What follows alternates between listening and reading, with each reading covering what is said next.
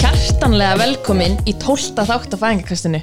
12 þættir Ójá, og ég verð bara að fá að segja það að þessi er minn uppáhald synga til því að við erum Við erum að fara í risa gæðaleik á Instagram Já, farið þangað og tjekkið á þessu en okkur langar svolítið að segja ykkur frá hvað er hægt að vinna í gjafaleiknum Já, og það er mjög skemmtilega vörur sem að við erum að fara að kynna hérna Þetta er bara, þetta er styrlum Ah, Mér langar að vinna hennar leik sko Já, mér líka En allavega, rekstravörur Veist þú hvað rekstravörur er? uh, Já, Sko, fyrir það sem eru óléttar er möst að kíkja í rekstravörur Það, er bara, algjörst Það skildu heimsókn fyrir allar ófríska konur Sko, þau eru með allt sem þú þarft á meðgöngu og eftir fæðingu Já, en þau við ætlum að gefa mæðra og nýburupakka frá þeim sem innhaldur lífmánaðarspjöl, líbur og testplegjupakka, tauplegjur, dömbindi með þess að tvær típur af Já. dömbindi barjarkrem, undirbreðslu, grísjur geimsluboks fyrir grísjur brjóstaplástur, handsprit þetta er bara, það er bara allt sem þetta er þarft. allt sem þú þarft og ég mælum að kíkja á Þetta er bara the starter pack já, þú fer bara kaupurinn að pakka og þú er bara sett, Já þarft ekki að fara í aðra búður En það sem líka hægt að vinna er ekki bara eitthvað smá heldur gjörsamlega öll ungbarnalínan frá Childs Farm og það er frá heilsölunni cu2.is en í línunni er ungbarnasápa bossakrem létt freyðandi baðsápa, svona fyrir búblur Já. ekkert sætara rakagefandi nuttolja í sprayformi þannig hún nærðinni ekstra vel inn í húðina mild og nærandi kroppakrem blöyturkur fyrir allt nema bossan þetta er fyrir hendur, þetta er fyrir bara já, allt nema bossa og ekstra mjúkt hangklæði fyrir Og- krílin þetta eru bara geggjaða verur þetta er eina sem ég nota á mínu Já. hús, sko. já, þetta er bara, ó, við nefnilega fórum í, eða fengum all, allar okkar uppáhaldsverur já, þetta er bara magna og en, annað fyrirtæki sem við elskum það er Nine Kids Nine Kids sem er yndislega batnaverur í felsmólan, hefur farið þangað? já vandræðaloft Já, ég veit það, ég líka og þeir eru með sko frá 0 bara til 14 ára eða eitthvað held ég Eh, ég veit ekki alveg hvað aðeins yngra, en það er alltaf fáránlegt já, úrvalið, sko. og þau eru með annað, stólana annað, Nómi, námi geðveikir en við ætlum allar alltaf að gefa sæbæks bílstóluna og já, kerruna. Seabags, já, geggjaðir við ætlum alltaf að gefa stórt matastel frá Done by Deer og það er geðveikt flott, ógeðslega sætt það er svo sætt þannig að Nine Kids er bara eitt af mínum uppáls ef ég segi hérna En svo allar heimilistæki að taka þátt í leiknum líka en þeir eru með allar afendvörðnar og þau, þau ætla að gefa gjafakörfu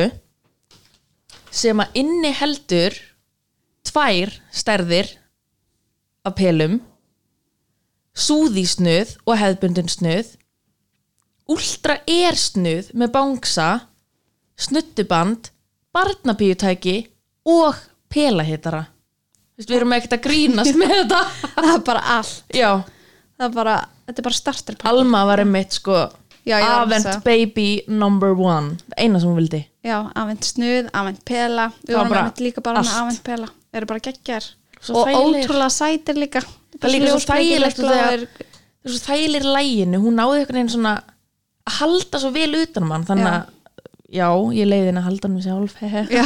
ógeðslega þægilegt og líka barnabíutæki já, mæli já. með því á all- allavega næ geðvegt og ekki síst þá eru lulladól já, lulladól, sko svona minn á áðanig þetta er bara Já. ótrúlega falleg vara Lúlla dólað eigin vali meira að segja, Já. mæra ég að sko, sko, Lúladól var gerð fyrst fyrir fyrirbura út af því að fyrirbura, eins og þessi þáttur er þá er hann þá eru fyrirburna læður í kassa, þá Já. vantar hann að mömmu hjarslátt eða pappa hjarslátt bara eitthvað bara sem erfur og Lúladól er sko silkimjúk tuskutúka gerð og bómull sem líkir nerveru verið aðra mannesku og inn í henni er tæki sem spila upptöku af hjarslætti og andatarætti móður í slökun þetta er bara þetta er bara þetta er snill sem ó, veitum já, já, bjargar nætunum, nótt, nóttunum bjarga svefninum Já, bara í svefninum. vagnin nei, setja þetta í vagnin setja þetta í rúmið, setja Já.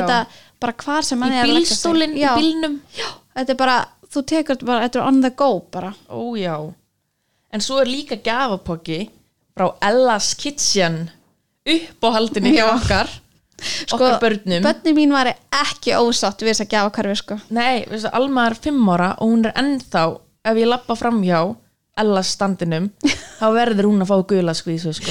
Já, Það ég veit klikkar það. ekki En Ella's Kitchen er 100% lífrætt barnamatur með endalaust úrval eins og ávaksta grammetis, kvöldvaraskvísur, smoothies Og þannig að sem það halda, meltisticks, ok, endalista okay, ég fingramat borða það. Já, eh, það já. vandrarlega, ég kaup nanda börnunum og ég er alltaf einanda mér, einanda þeim. Já, litla snakki Já, líka ótrú, mér finnst það ótrúlega gott, ég er það bara, mm. Ó, geggjað En þetta er alltaf minn go-to matur Ó, fyrir já. krakkana on the go, þú veist það er bara ellas.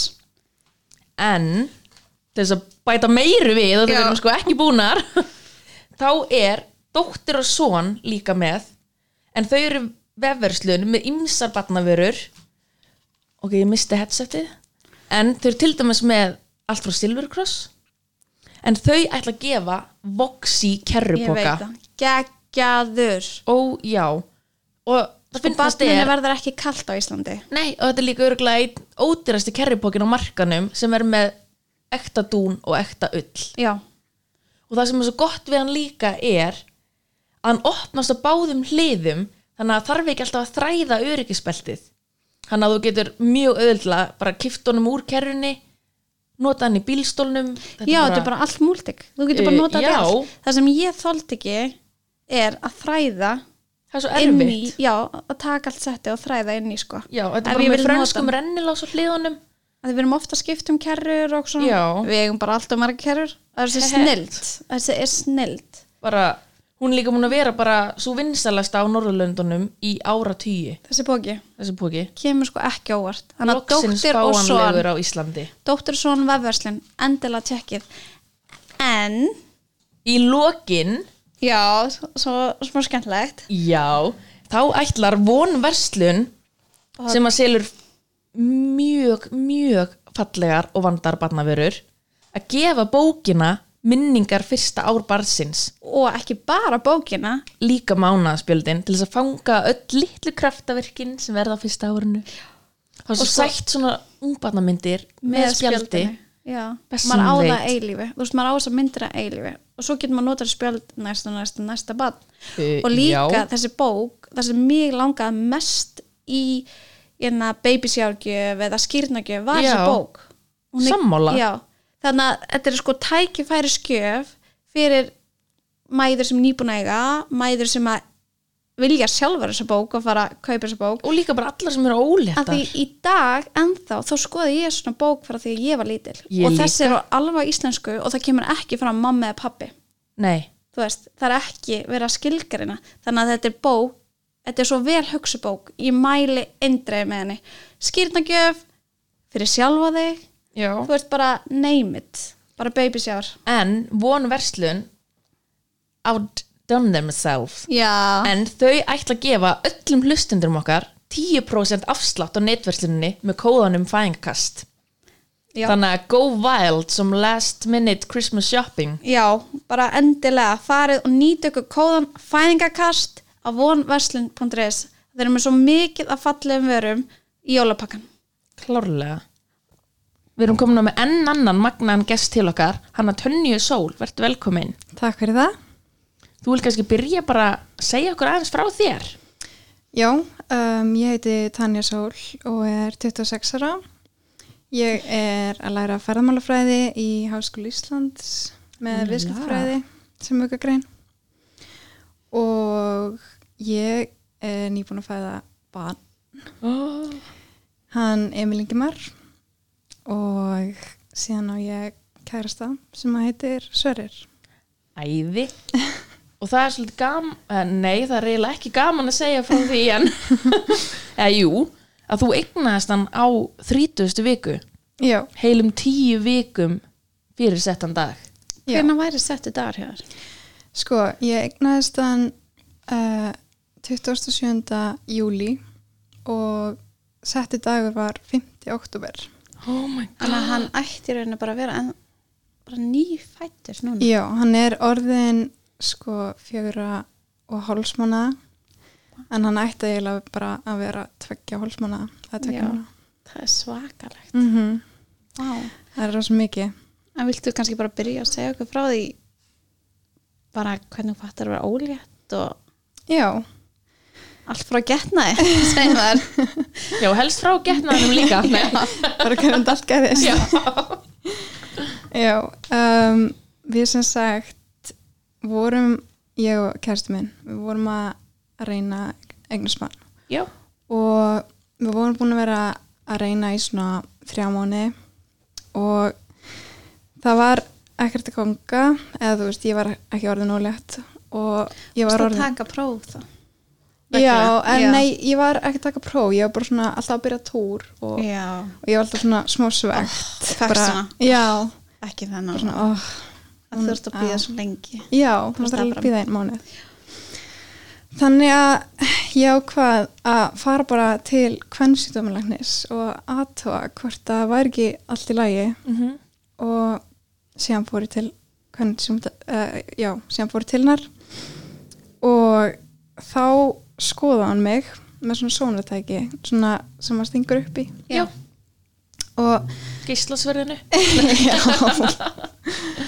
og þá akkurat kom sko í ljós að slímhóðin mín væri bara orðin vel þykk og hún sagði við mig bara já það er allt í lægi um, annarkvort þá ertu ólétt eða að þú ert bara alveg að fara að byrja úr og þannig var ég að koma Vá, get bara, gæti hún ekki sagt annað hvort já en það, það var svo rosa snemma sko Já. þannig að hún gati ekki sagt það En það var alveg ekstra snemmsónar Já og hann já og ég sem sagt sagði bara við hana ok var komin þá fjóra daga fram yfir og ég fór bara beint heim tjekkaði, tók En- próf Varstu með eitthvað svona tilfinningu, varstu bara, ég held ég sjólet. Ég var ekki þannig. nei það var ekki því ég, ég einhvern veginn var að fara þannig í þeim tilgangi að aðtók hvort að það Já, væri væri ekki ekki allt í lægi góðu. Já. já. Já, og því ég var búin að vera þú veist með einhver svona verki og var alltaf að fá milliblæðingar og, Ah, ok og svona eitthvað vesen Mm, Þú þannig, svona að- Mhm. óþara vesen já, akkurat. já, þannig ég fór bara heim til mömmu og tók próf og þá kom ég jákvæ- jákvætt Oh my god og ég var bara ok og þá var einmitt sko sverrir í verknámi á kvennadildinni á Akranesi En það Hérna Ah. Ah. var læknin. Já, hann er, hann er orðinleiknir. En orðin læknin. Mm. Mhm. Úlala Þannig að það var mjög skemmtileg tilvílun og hann þurfti alltaf að keira heim frá Agnesi til Reykjavíkur. Úff. Við búum í Reykjavík. Vá. Og hann að, og ég ringi eitthvað í hann og bara, ertu ég að fara að koma heim? Það er mér langaði ekki að segja hann um þetta í gegnum síma. Nei, skil það Og ég bara, ertu ekki að koma heim? Bara, ég, ég, ég er hann að, það er rosa mikið að hitta þig eitthvað. og hann eitthvað, jú, ég er leðinni og ringdi í hann síðan tvísasunum á meðan hann var að keira frá Akranis til Reykjavíkur, ég var svo spennt að segja á hann Og grunanum þá ekki neitt. jú, honum grunaði hann segla alveg að, að þetta væri staðan, sko og Já, kannski ekki alveg vön því að vera svona ótrúlega spennt að fara að hitta hann. hann var eitthvað, ert ekki að koma heim líka tekur bara einhvern hálftíma að keira frá Akranis, það er ekki eins og það sé eitthvað rosa langur tími, sko Þetta er basically eins og keira frá völlunum í Mosó eða Já. eitthvað og já, síðan kemur hann og ég segi hann um þetta og við erum svona smá stressu en samt ótrúlega spenn Já. fyrir þessu og því að við vorum að reyna og svona og síðan þá er svolítið skemmtilegt að segja frá því að hann tekur mig bara með sér upp á Akranes og tekur mig í snemsanar Fyrsta s- almennilega sónarinn. já, Oh my Bara god gerða á honum. mm Það er magnað. já Ó, það var ég er svo með gæsa skemmtilegt. húð sko Hvernig var mómentið? Þú veist, Oh. já, hvernig var mómentið? við náttúrulega bara hérna. Viktor, ég var að grenja hennar já, Þetta er svo fallegt Já, þetta var ótrúlega fallegt líka út af því að við vorum bara tvö já, inn í, það var svo í herbergin. náið Já, að þetta var bara ég og hann einhvern veginn og tjekka að þú veist bara, þetta hefði náttúrulega geta orðið leðilegt moment ef, að, Já. ef hann hefði ekki verið á réttum stað en samt, Jú, ef en, það hefði verið þannig samt gott að það væri bara þið tvö líka já líka, emmitt þetta er svona, þetta er Mhm. vinn-vinn dæmi Já. En já, hann, hann þetta gekk ekki á því að hann er náttúrulega bara í verknum með kannið ekki alveg, kannski Já. Nei. en þá gekk þetta svolítið svona upp og niður og alltaf Já. hvað er hann hvað Já, er þetta þetta er svo lítið. já, Þau þurfa alveg að hitta réttan stað til já. að sjá og þú þarft alveg æfing í því sko. já, hvað varstu að koma langt? sjö vikur Sjö, sjö vikur. Ok. Mhm. Þannig að ég sá að hjarslátt. uh, já, eh, við heyrðum allavega eða ég man ekki alveg það var aðeins svolítið langt síðan en við allavega við sáum að það vera réttum stað og það væri alltaf lægi og það var alltaf maður byrjir gaman ekki meira á þessum tíma sko nei, og við bæði náttúrulega bara Þú voru að gráðandi. já, Það ekki. já, og slega gaman þú veist, Æ, bæði alveg grænjandi verkur augunan Já, nei, þetta er ótrúlega fallegt moment. Já, þannig þetta að er hann líka bara stór minning í lífinu einu. Já, þú veist. þetta er það og líka því að þú veist, hann þá einhvern veginn tók svona fyrstu myndina af honum Já. ef maður einhvern veginn þetta er líka með svo fallegt út af því að þarna er hann að fá tækifæri til að vera jafn involveraðar í þessu og þú Já, emmi þú veist þetta þarna er hann bara með sitt hlutverk ekki Já. bara svona á hliðakantinum ykkur negin Já, Þetta er magna. emmi allir strákafæri læknin Nei.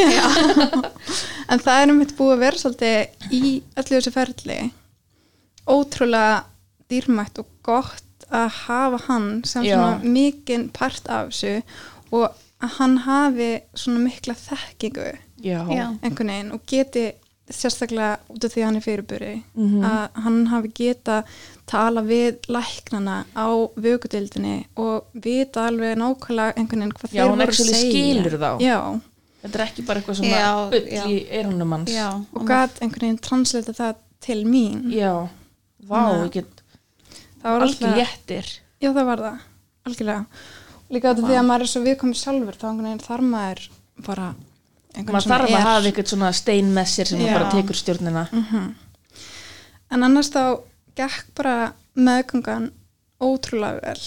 Ég bara, mér leið svo vel á meðgöngunni og ég var bara, meðgöngu gló Já. já, eiginlega, ég var, þú veist, við vorum alltaf einhvern veginn að gera eitthvað skemmtilegt og þetta var bara, Svona seinustu momentin sem þið eru bara tvö. já, Og það leiðir ekki svolítið svoleið, svona jú, þú voru alltaf að gera eitthvað skemmtilegt og... já. Svona og njóta. Já, Já. okkur finnst ótrúlega gaman að að ferðast og svona bara um landið og líka bara til útlanda og við fórum mikið á þessum tíma og vorum bara að njóta okkar. Æ, það er ekki ekki. Mhm. Maður á að gera þetta svoleiðis. já, Maður á- algjörlega Já, og ég var útrúlega heppin þú veist, því að þú veist, ég fekk, ég fekk bara smá mjóbaksverki en annars þá var ég bara mjög heilsurhaust og var Þannig að þú fekst enga ógleðið eða neitt. júrendar Þannig að fyrst. Já, eða- en það var ekkert það var ekkert það lengi sko Nei. bara svona einhverja þrjár vikur eða eitthvað Ó, geggjað. Kanski er þetta satt að einna, þeir sem eru stelpur fá meira ógleði, Mhm. það eru strákað minna, sko. er það?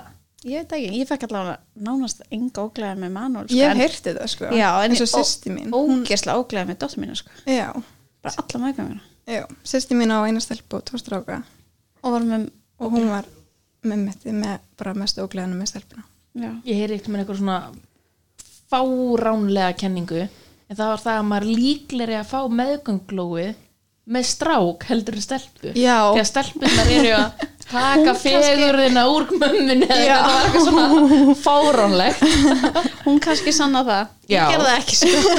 Þannig að- Nei, ég get alveg sanna það að stelpur taki glóið frá manni sko. En þið fengu að vita kynið. Mm já, við fórum sem sagt í 12 vikna sónar og sem fórum við 20 vikna sónar og það gekk bara allt rosalega vel. fóruð Kom þá allt í tólvikna sonarinn á Akarnesi eða bara í bænum Nei, við fórum bara snemsónarinn þar já, og síðan þá var Sverri bara búin með verknámi sitt. Já. Þannig að við fórum bara upp á landspítala mm og já, það kom bara allt mjög vel út og við heldum kynjabóð. hvernig Fannst var það það? ekki gaman.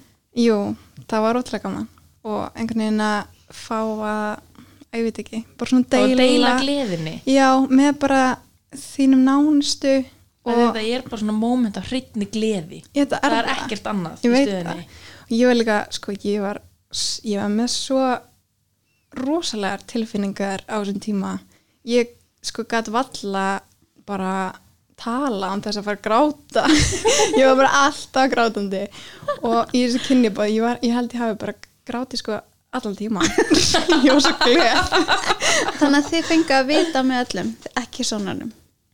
uh, já, en sko Sverrir eiginlega sá það í sonanum Já, viltu bara ekki segja? já, hann- og því að hann vildi ekki segja mér það Nei. það var nú svona, ég er samt einhvern veginn vissi að þetta væri strákur já, ég var einhvern veginn fann það bara á mér Mm. og, og ég var einhvern veginn að reyna að fá Sverri til að segja mér það hann, hann vildi það ekki sko Ég gæti ekki séð neitt út úr þessum sonar. Nei. Ég, fa- ég fatt ekki hvernig að sjá þetta, sko. Já, ég fór að googla sko áður en við fórum í tuttu vegna sonarinn, þá fór ég að googla hvernig maður getur séð þetta þá er eitthvað svona að maður sér hambúrgara já sko, stelpur, stelpur eru með á kynfarasvæðinu eru eru með þrjár línur Já, já en strákar eru bara með greinilegan bibba sko. En Já. stundum er þetta vitlega, sant? mm já, Þú veist, þetta er bara- eins og með ölmu þá sagði hann, já 70% vissum um að þetta er stelpa Já, og ég Já. bara, herri, ég er á leiðin í partí þú veist, ég þarf að fá já. ég þarf að fá svar núna þú vissum það ekki alveg nei, hún gæti ekki sagt, hún bara Já. en ég Já. sagði bara allan þetta væri stelpa og það stóðs bara Já. Ég held að sé samt auðveldur að sjá að það er strákur. Já, það er oftar þannig að þú heldur þessi stelpa og svo kemur strákur frekar en þú heldur þessi strákur og svo kemur stelpa Einmitt. út af þessum línum þannig Já. Já, einmitt. Þannig að hann f- bara sá það. Mér finnst það Já, ógislega hann sá fyndið. það. Mér finnst það mjög fyndið. Og síðan þegar vorum, við vorum svona blöðuru. springa Já, blöðruna. svo gaman. Já, og... Og þú bara náttúrulega- grátandi úr augun. Já, ég er svona bara- náttúrulega bara... Með fullt af konfetti. Með sko maskar út um allt bara. og já, þetta var mjög fallegt moment og dýrmætt að eiga. Þannig að hann alveg, ég vissi það, Tanja. Já, hann vissi það alveg Já. sko. En varst En- ekki ánæð, þú varst líka. Úst, þótt að hafa komið bleikt eða blátt. Mér var alveg Það var sama sko. bara tilfinningin bara Jú. að fá annarkort, skilja, Já. bara tilfinningin að fá að vita er mögnu líka. sko. Mér finnst það. Já, Mér finnst það rosa, sko, að ég veit það ekki, maður einhvern veginn byrjar að tengjast svona, getur sagt, já, bara litli strákur minn, fyrst í Algjörlega, maganum og svona og Ég veit hugsar það, já. Mhm. einhvern veginn, já, þetta er strákur. að það breytist öll hugsun einhvern veginn Já. maður svona fyrir, Já, mér finnst líka, ég hef náttúrulega ekki upplega hitt, nei, Þú veist, en mér finnst einhvern veginn leið og, ég veit kynni, þá finnst mér einhvern veginn byrja að tengjast, svona, já, sérstaklega aðra meðgöngu, sko. já, Já. Þá var ég bara, æ, litli strákurum minn, Já. þú veist, litli, litli, en ég bara, það kemur líka að fara að hugsa um nöfn og svona já, já, já, Einmitt, Við vorum, við vorum einmitt bara búin að ákveða nafnið bara að það var, strax og þetta, við fengum að vita að það væri strákur, Já. einhvern veginn. Hann átti alltaf að heita Emil Ingemar. og er það í höfuðið á einhverjum eða er það bara út í bláin Já, það er í höfið á, sko, sýsti mín, hún heitir Emilí Anna ah. og síðan heitir mamma mín Linda Emilía. Þannig að þetta er svona... já, frá Svona þeim tengist báðum. vel, já. Mhm, Og síðan heitir pappan Sverris uh, Freyþjóður Ingimar. Mm. Þannig að Ingimar í millina. ógæslega flott. Og- Og svo fallegt, já. útrúlega fallegt Já, Síðan eru sko líka bræður hans Sverris. Þeir heita, uh, þeir heita sem sagt, tveir af þeim heita Ingi í millina. Þannig að líka svona... Já. þannig að það tengist alveg ekstra í báðar Þetta tengist held ég nýju manneskum í það heila sko. já þannig að það voru allir bara "Eft- höfu eftir mér Já. þannig að sérstakann staði hjartanum hjá mörg Já. Já, algjörlega. og hvað tekur svo við eftir 20 vikur þú ert að ferðast bara á fullu já, og gera allt bara já, mér leið svo vel og Sverri var útskrifast þarna sem læknir um sömarið. Þannig að við förum, af því hann var sem sagt að læra í hana, Slóakíu og við förum þanga til þess að fagna útskriftin hans og já bara, þú veist, að því hann útskrifast þar. já, einmitt og fórum með sem sagt fóreldrum hans og einum bróður hans fórum í smá svona ferð og fórum að Bara líka njóta. til Króatíu já, Budapest og svona Ó, Ég- æði. og þið leið bara vel mér leið bara mjög vel. að því að margir sem hefur farið flugvel á ferðast okkar verða bara bjúgar og bugar í svona Já, sem ég Það segi er bara prime time í glóinu sko Já. bara að fá Já. smá tann og já, Þarna í já, bara sandinn eitthvað, og- já, já, bara eitthvað liggjandi Þú eða ert- sólbekk þarna. Ertu ekki líka rosa duglega að fara í fjallgöngur og svona fyrir? Jú, við Er Sverrir- rosa aktíf, eitthvað Já. það ekki? Jú. Aktíf, eitthvað þú veist. Jú. Já. við erum mjög aktíf uh, við eh, gerum mjög mikið af því sko og okkur finnst það bara ótrúlega skemmtilegt eins og líka Sverrir hann tekur svo mikið af myndum og það er svona hobby hans já, og ég er í ferðmálafræði Ég mæli með að kíkja á Instagram hennar og kessla mikið að fallega myndum bara frá öllu. já, Gott takk að eiga. fyrir það. Já, Eiga Tanja Sól. Insta-hubby. Já, akkurat. já, við erum líka með Instagram saman nei já, að það heitir Icelandic Kneistrick Travelers ú, ok Ég eftir ekki tjekka því. Við tökum það er á því. svona Já, ferða Instagram líka þannig að Vá, ok, það er ekki Þannig að hann er að taka allar þessar fallega myndir. já, og ég svona meira Þú er svo módel. já, kannski meira mótel og kannski meira hún er, plana hún er ferðina að finna já, ég var að segja það, hún er að finna þessa staði sko. Já. gott, gott heimi Já, þannig að þetta er svona sammeilagt áhagamál sem að okkur finnst þú svo Já. skemmtilegt. já, bara geggja Já.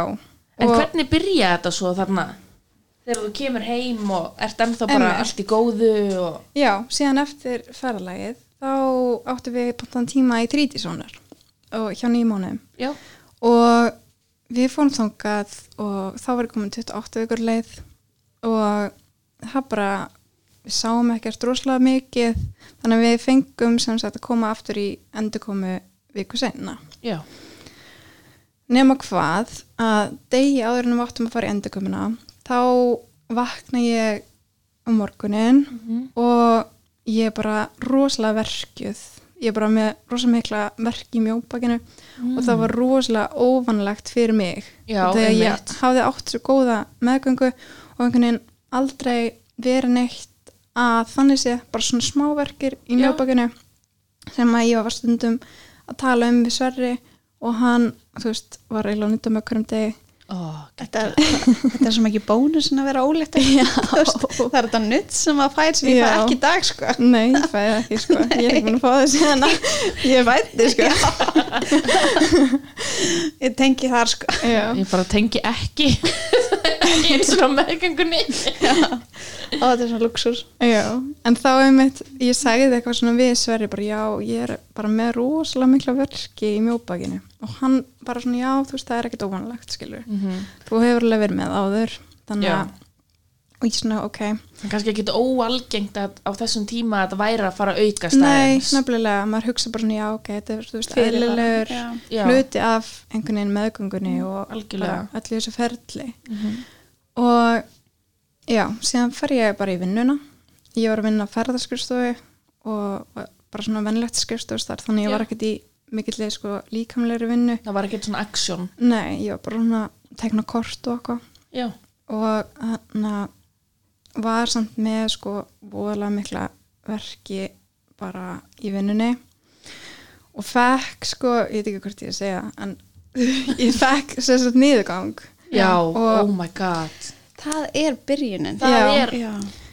og ég, Þannig bara svona- strax hreinsunin og allt byrjuð. já, og ég var sko emmitt bara búin að lesa um þetta bara Já. að sko ef þú fær niðurgang þá er einhvern veginn líka menn að undirbúa sig fyrir fæðingu, Fæðinguna, bara já. til að hreinsa allt út og ég er svona ok, þetta er skrítið og sendi eitthvað á fjölskyldunum mína bara ok, ég kom inn hérna með voðamlega mikla verki og allt í henni fækki nýðgang og Já. mér finnst það bara mjög skrítið Mhm. og það er eitthvað svona já, bara samt einhvern veginn enginn um að hugsa bara já, þú getur verið að fara að stað Nei, það þú veist, nei, þú bara hugsa svona það ekki síðasta í hugunum hjá öllum. Að því þú ert bara komin 30 vik. Nei, ekki, þú veist, þú ert 29,5. Já. Eða ekki? 29,5 Já.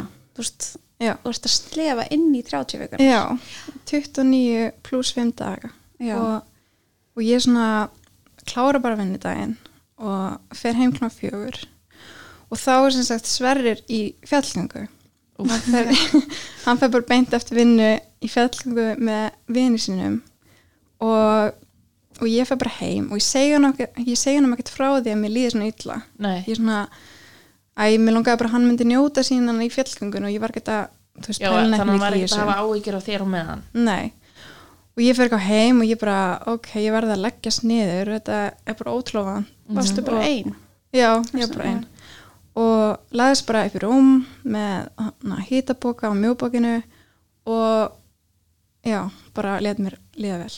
Þannig ert þú bara basically með ríðar Já, þannig að bara byrjunin á rýðum. og þú er bara, að ég ætla bara aðeins að leggja mig með hýta boka mig Já, ég, hausinn minn var ekki þannig sko. Nei. Þóttið mér fannst þetta smá skrítið, þá var ég samt aldrei að, að hugsa sko, að þú ok, væri ég- komin á staði fæðin Nei. Og síðan þannig að leggja mig og vakna og fer styrtu og bara svona ennþá með rosaverki og ég bara svona ok, styrtu lætur mér líða betur eitthvað, reyni eitthvað að gera á græðana og síðan leggjum bara aftur Sverri ringir eitthvað í mig bara, hvernig líður? Ég bara, ég er bara mjög verkið bara á grafabakkanum Nei, nánast bara ógislega verkið eitthvað og hann, hann eitthvað, já, ég var pælið að fara hana með hana félag mínum út að borða og ég svona, já, já, ekkert mál ég sagði hann um ekkert að mér leiði svona illa, sko ah. Vildur ekki láta hann hafa áhyggjur þegar Nei. þú varst ekki með Og það ég- mikla áhyggjur já, og ég einhvern veginn er bara svona að, þú veist, ég tek valla verkaleif, sko, já, þú veist, ég er bara svona æ, þú veist, þetta er bara Þetta fer. bara harkar það já, síðan kemur hann klukkan svona átta heim aftur Hvað var um þetta búið kvöldið? lang- langur tími þá? Þú veist, þá var ég búin að vakna sem sagt, Með klukkan- verk í morgun? Já, klón áttu morgunin, um fór við hennar til fjögur og hann kemur heim klón átta. Þannig að Og þetta þá, eru 12 tímar. tímar sem úrstu já, þeir eru fljótar að rekna. endur sko það er leynilegur hæfileiki hér Já. Hey. Þannig að þá kemur hann heim og hann, og hann vill bara að hann sé mig upp í rúmi bara kósveita Mm. og þá voru sko samdrættir byrjaður á átta mínuna fresti. Úf, Og hann, eða þú veist, hann byrjar svona að taka tíman á samdráttunum já þannig að og þegar hann er einhvern veginn Þú miklu ert bara bet- með engaleknir heimi Vá sko, það er ef bara að, ef, drauma maki sem hægt er að eiga í þessum aðstæðum ég nákvæmlega, ef ég hefði ekki verið með hann þá hefði hann örugglega bara fæst upp í rúmi sko. Já. ég ætla ekki einu svona að fara upp- upp á Kvennadeild. kvennadeldina nei, Nei. þú ég ert bara, það bara svo út úr þér já, ég bara eitthvað, já, þú veist, þetta er ekkert svona mikið mál eitthvað oh my god En hann hefur bara séð á þau bara, Já. Þetta er ekki lægi já, og líka til því að já, bara Já, og ég var bara kósið upp í rúmi og var bara með svaka verki, var bara grátandi verkjum skilur og, og hann eitthvað, förum bara strax upp á kvennandeld og ég bara, nei, við hefur ekki bara að ringja. Já.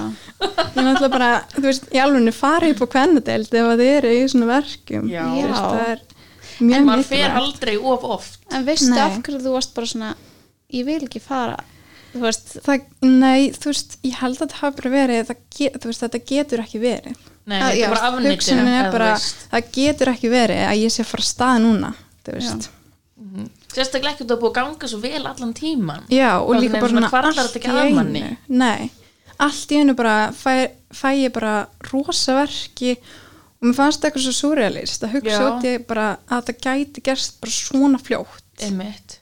og, og ég, hann að já, við ringjum upp, á- upp á hvernig deild og, og hún bara já, hann að komdu bara strax Já, og við fórum að stað og, og það var kona upp á byggstofinni sem að var sko í svagaverkjum og hún var bara ælandi og, og ég svona eitthvað, oh my god og hún var náttúrulega með r- rosa stóra bumbu og ég Já. bara með einhver pingu litla bumbu Já. skilur og hún bara já ég segi hérna, já ég kom henni átt að koma ég er komin 30 vikur, eða 29 pluss 5 daga á leið og hún svona já ok þannig að býti bara aðeins og ég býð og síðan þá bara fór ég fram fyrir alla röð já, og þessi Veistu kona, að beðist til lengi nei við býðum bara einhversum 5 mínútur Já og þau hefur bara vita hvað væri í gangi og bara Já. tekið þið strax já sem betur fer Já, Það Og- fyrir að vera að býða hana í tvo, maður veit ekkert, Já. Mhm. gaman, tvo tíma eða eitthvað. Það var bara, Já, Nei, en mér fannst einhvern veginn svo sko skrítið að, að hún væri að, þú veist, að þau væri að fara að taka mig já fram fyrir þessa konu sem, sem væri að ælandur var verkjum ælandur verkjum komin sko með næsti bara bannið út eiginlega, þú Já. veist, ég hugsaði það Já. og ég hugsaði bara, ok þetta er eitthvað, það er eitthvað að En varst, Já. varstu þá verkjana, varstu að standa upp við eitthvað að, þú veist, varstu að fá hríðar? ég, já, ég var með, en, ég var ennþá með svona 8 myndir á milli Og alveg vondar. já, alveg freka vandar sko ég, hann að En þú, það Þurfti var alveg- ekki enn komið í hausina þér bara, það kom svolítið í hausinn þegar að ég þurfti að fara fram fyrir þessa konu Já, og Já. þá veit maður að það er eitthvað Já, sem er þá ekki var ég rétt. bara svona, ok, það er eitthvað að gerast hérna og mér finnst það mjög óþægilegt. Já, Og við fórum inn á herbyggi með lækni sem að skoðaði mig og, og þá kemur bara í ljós að ég er komin þrjá sentimetra í útvikun oh my god og hún bara, þú ert ekki að fara heim, við verðum bara að leggja það inn og þú þarft að fá lif strax til að stoppa. Já, til þess að bara hægja á öllu Það er hægt þegar að koma Það er þrýr til að út um, er stoppa. hægt að stoppa alveg Það er hægt. Ok, og það gerist alveg oft sko, að ég þekkla einu stelpu sem að, að, að fekk svona stopplif Já. og hún átti bara á vennilegum tíma sko. Já. já, ok þú og mátt bara ekkert reyna á þig. nei, Þú mátt ekki gera neitt. Nei. Og stundum eru þau bara lagðar inn, bara í nokkra Ég vikur. er bara rúmlegjandi Nei, bara la- inn á spítala bara í nokkra vikur. já, Svakalegt, sko. Mhm. já og já, þannig að ég sem sagt var bara lögð þannig inn og fekk lif sem heitir traktusil Og er það þetta stöðunarlif? Já. Það er sem sagt lif sem virkar þannig að það er gefið í dreipi Já, í 48 tíma eða tvo daga. stannislaust Já. Og, og það sem sagt er ekki hægt að gefa lengur en 48 tíma. mm. Þannig að eftir 48 tíma þá er það tekið úr Já, og þá er bara beð og sjá eh, og séð hvað gerist næst. þar maður þá, ef maður myndi þurfa það aftur þá myndi maður þurfa að býða ykkur daga eða er það bara ekki búið þig aftur Nei, það er bara, þú, eh, ég held að þú fáir ekki eftir sko. Þú bara, þú bara farið hana einu sinni, Eh, ég veit að ég... og bara ég, annarkvort virkar það eða ekki Já, og annarkvort þá, uh, þú veist, fæður bara rétt eftir að það teki út Mhm. eða þá að, þú veist, það virkar og, og fæðingar stoppið í Já. einhvern tíma. Hvort sem það er alveg upp á fjör, 40. viku eða kannski nokkra vikur sem að skiptir náttúrulega bara öllu máli. Já, bara Á hver þessum dagur tíma. mikilvægur þarna Já, algjörlega. Og já, ég fekk sem sagt, ég var, var bara lögð inn, fekk þetta dreipi og ég mátti bara ekki reyfa mig. Út af því að, þú veist, við minnstur Þú heimingu þá með þaglegg og...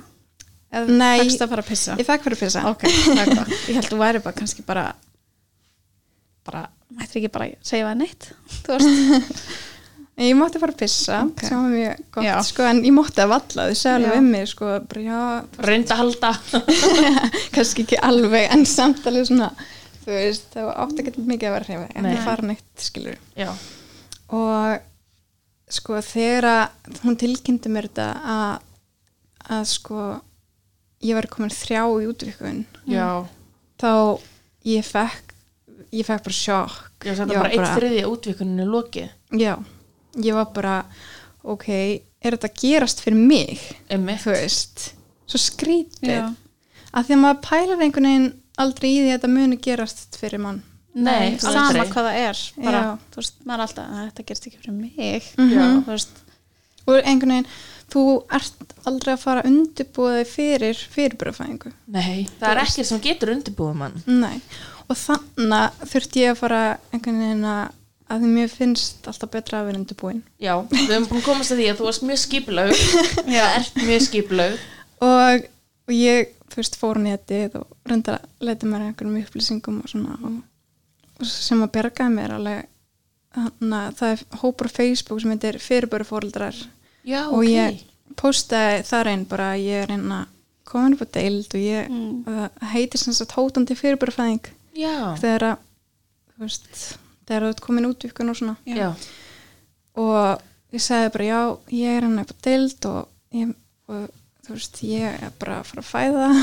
komin hann að 29 pluss 5 daga á leið og það bara sko stuðningurinn frá Aha. þessari grúppu það er bara rosalegur Það eru margir í Já. þessu grúpu. Já. það er alveg margir og þetta er rosa svona Margir þétt- sem hafa verið í þessum aðstæðum sem Já, þú ert í. sem að þetta er svo þjættur hópur einhvern veginn, eða þú veist, mér, ég uppleiði þetta einhvern veginn þannig og fekk bara svo mikið af svona reynslustögum og bara Já. ef þú vilt tala um mig þá er ég hérna til að hjálpa þér í gegnum þetta Vá. og, og það var bara ótrúlega gott að fá svona þegar þú ert á svona viðkom stað. Já, en bara geggja líka að sé í alvöru til svona grúpa þannig að þú ert ekki bara að fara á land.is og fá bara hræðslusögur Já. þannig er bara Já. fólk sem er virkilega bara til í að styðja við mann Já, og svona aðstóða já og síðan er líka einhvern veginn svo dyrmætt út af því að sko þú um, hugsar ekkert svona einhver sem ég þekk, að ég veit það ekki allan ég hafði aldrei pælt í því eitthvað svona, já þessi þe- sem ég þekki er búin að eignast fyrirbara og þessi Já. sem ég þekki er búin að eignast fyrirbara en einhvern veginn þegar ég setti þetta inn á þessu grúpu þá Já. komu þær til mín og tölu við mig og ég er svona, já, ég þekki þig Já, þú já, átt fyrirbara auðvitað. ég, þú veist, einhvern veginn Það er hjálpuðu mér í tengingu. gegnum þetta, Já. já. algjörlega Þannig að mér varst það mjög mikilvægt að fá svona mikið af stuðning strax. Já, ég, já það, það er það því að Sverri líka hann er í sjokki, þú veist. Já, og líka hann sagði við mér bara eftir og hann vildi náttúrulega vera eins og stein við hlýðan á mér sko, Já. en hann sagði við mér eftir bara já, þú veist, þegar að ég var að fara að ná í djús fyrir þig, þá var ég bara fyrir utan grátandi, skilja. Æ, elsku gull Já, þetta er náttúrulega líka alveg, hann þarf líka stuðning á svona tíma. Þetta er ókjæslega. sérstaklega líka kannski fyrir hann og það nú er hann læknismentaður hann kannski er ekki svona fáfróður þú veist, hann veit alveg actually, hvaða áhættur þetta eru sem eru kannski Já, framundan og svona þekkir þetta betur þannig að miklar þetta örgulega miklu frekar fyrir sér og það hann hugsa örgulega strax bara um alltaf vest að hann getur komið Mér fyrir finnst samt engin fræðislega fyrirbyrja fæðingu.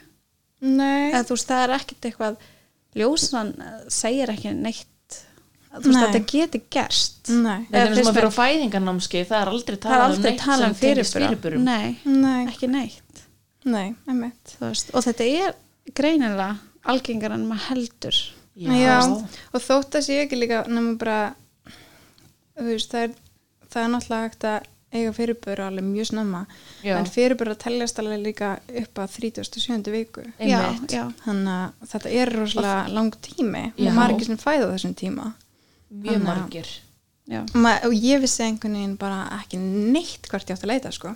Nei. en hvernig fannst þessa grúpu, bara með Google ég held að það hefur verið tengdamamma minn Já. Sem að, að það, já hún, hún einhvern veginn þegar við fórum upp deild þá bara fór hún all in já, Bara- æ æ, það er ekki aðvægt Ég hjálpa sendu okkur. þau bara á alla fjölskylduna bara hvað- hvað var í gangi og bara svona Já, Já. já. Sverrir, hann bjóti svona hóp á Messenger. group chat Já, bara með öllum mikilvægastu já, og var bara aftur mm á meðan að- á þessu Já, stóð.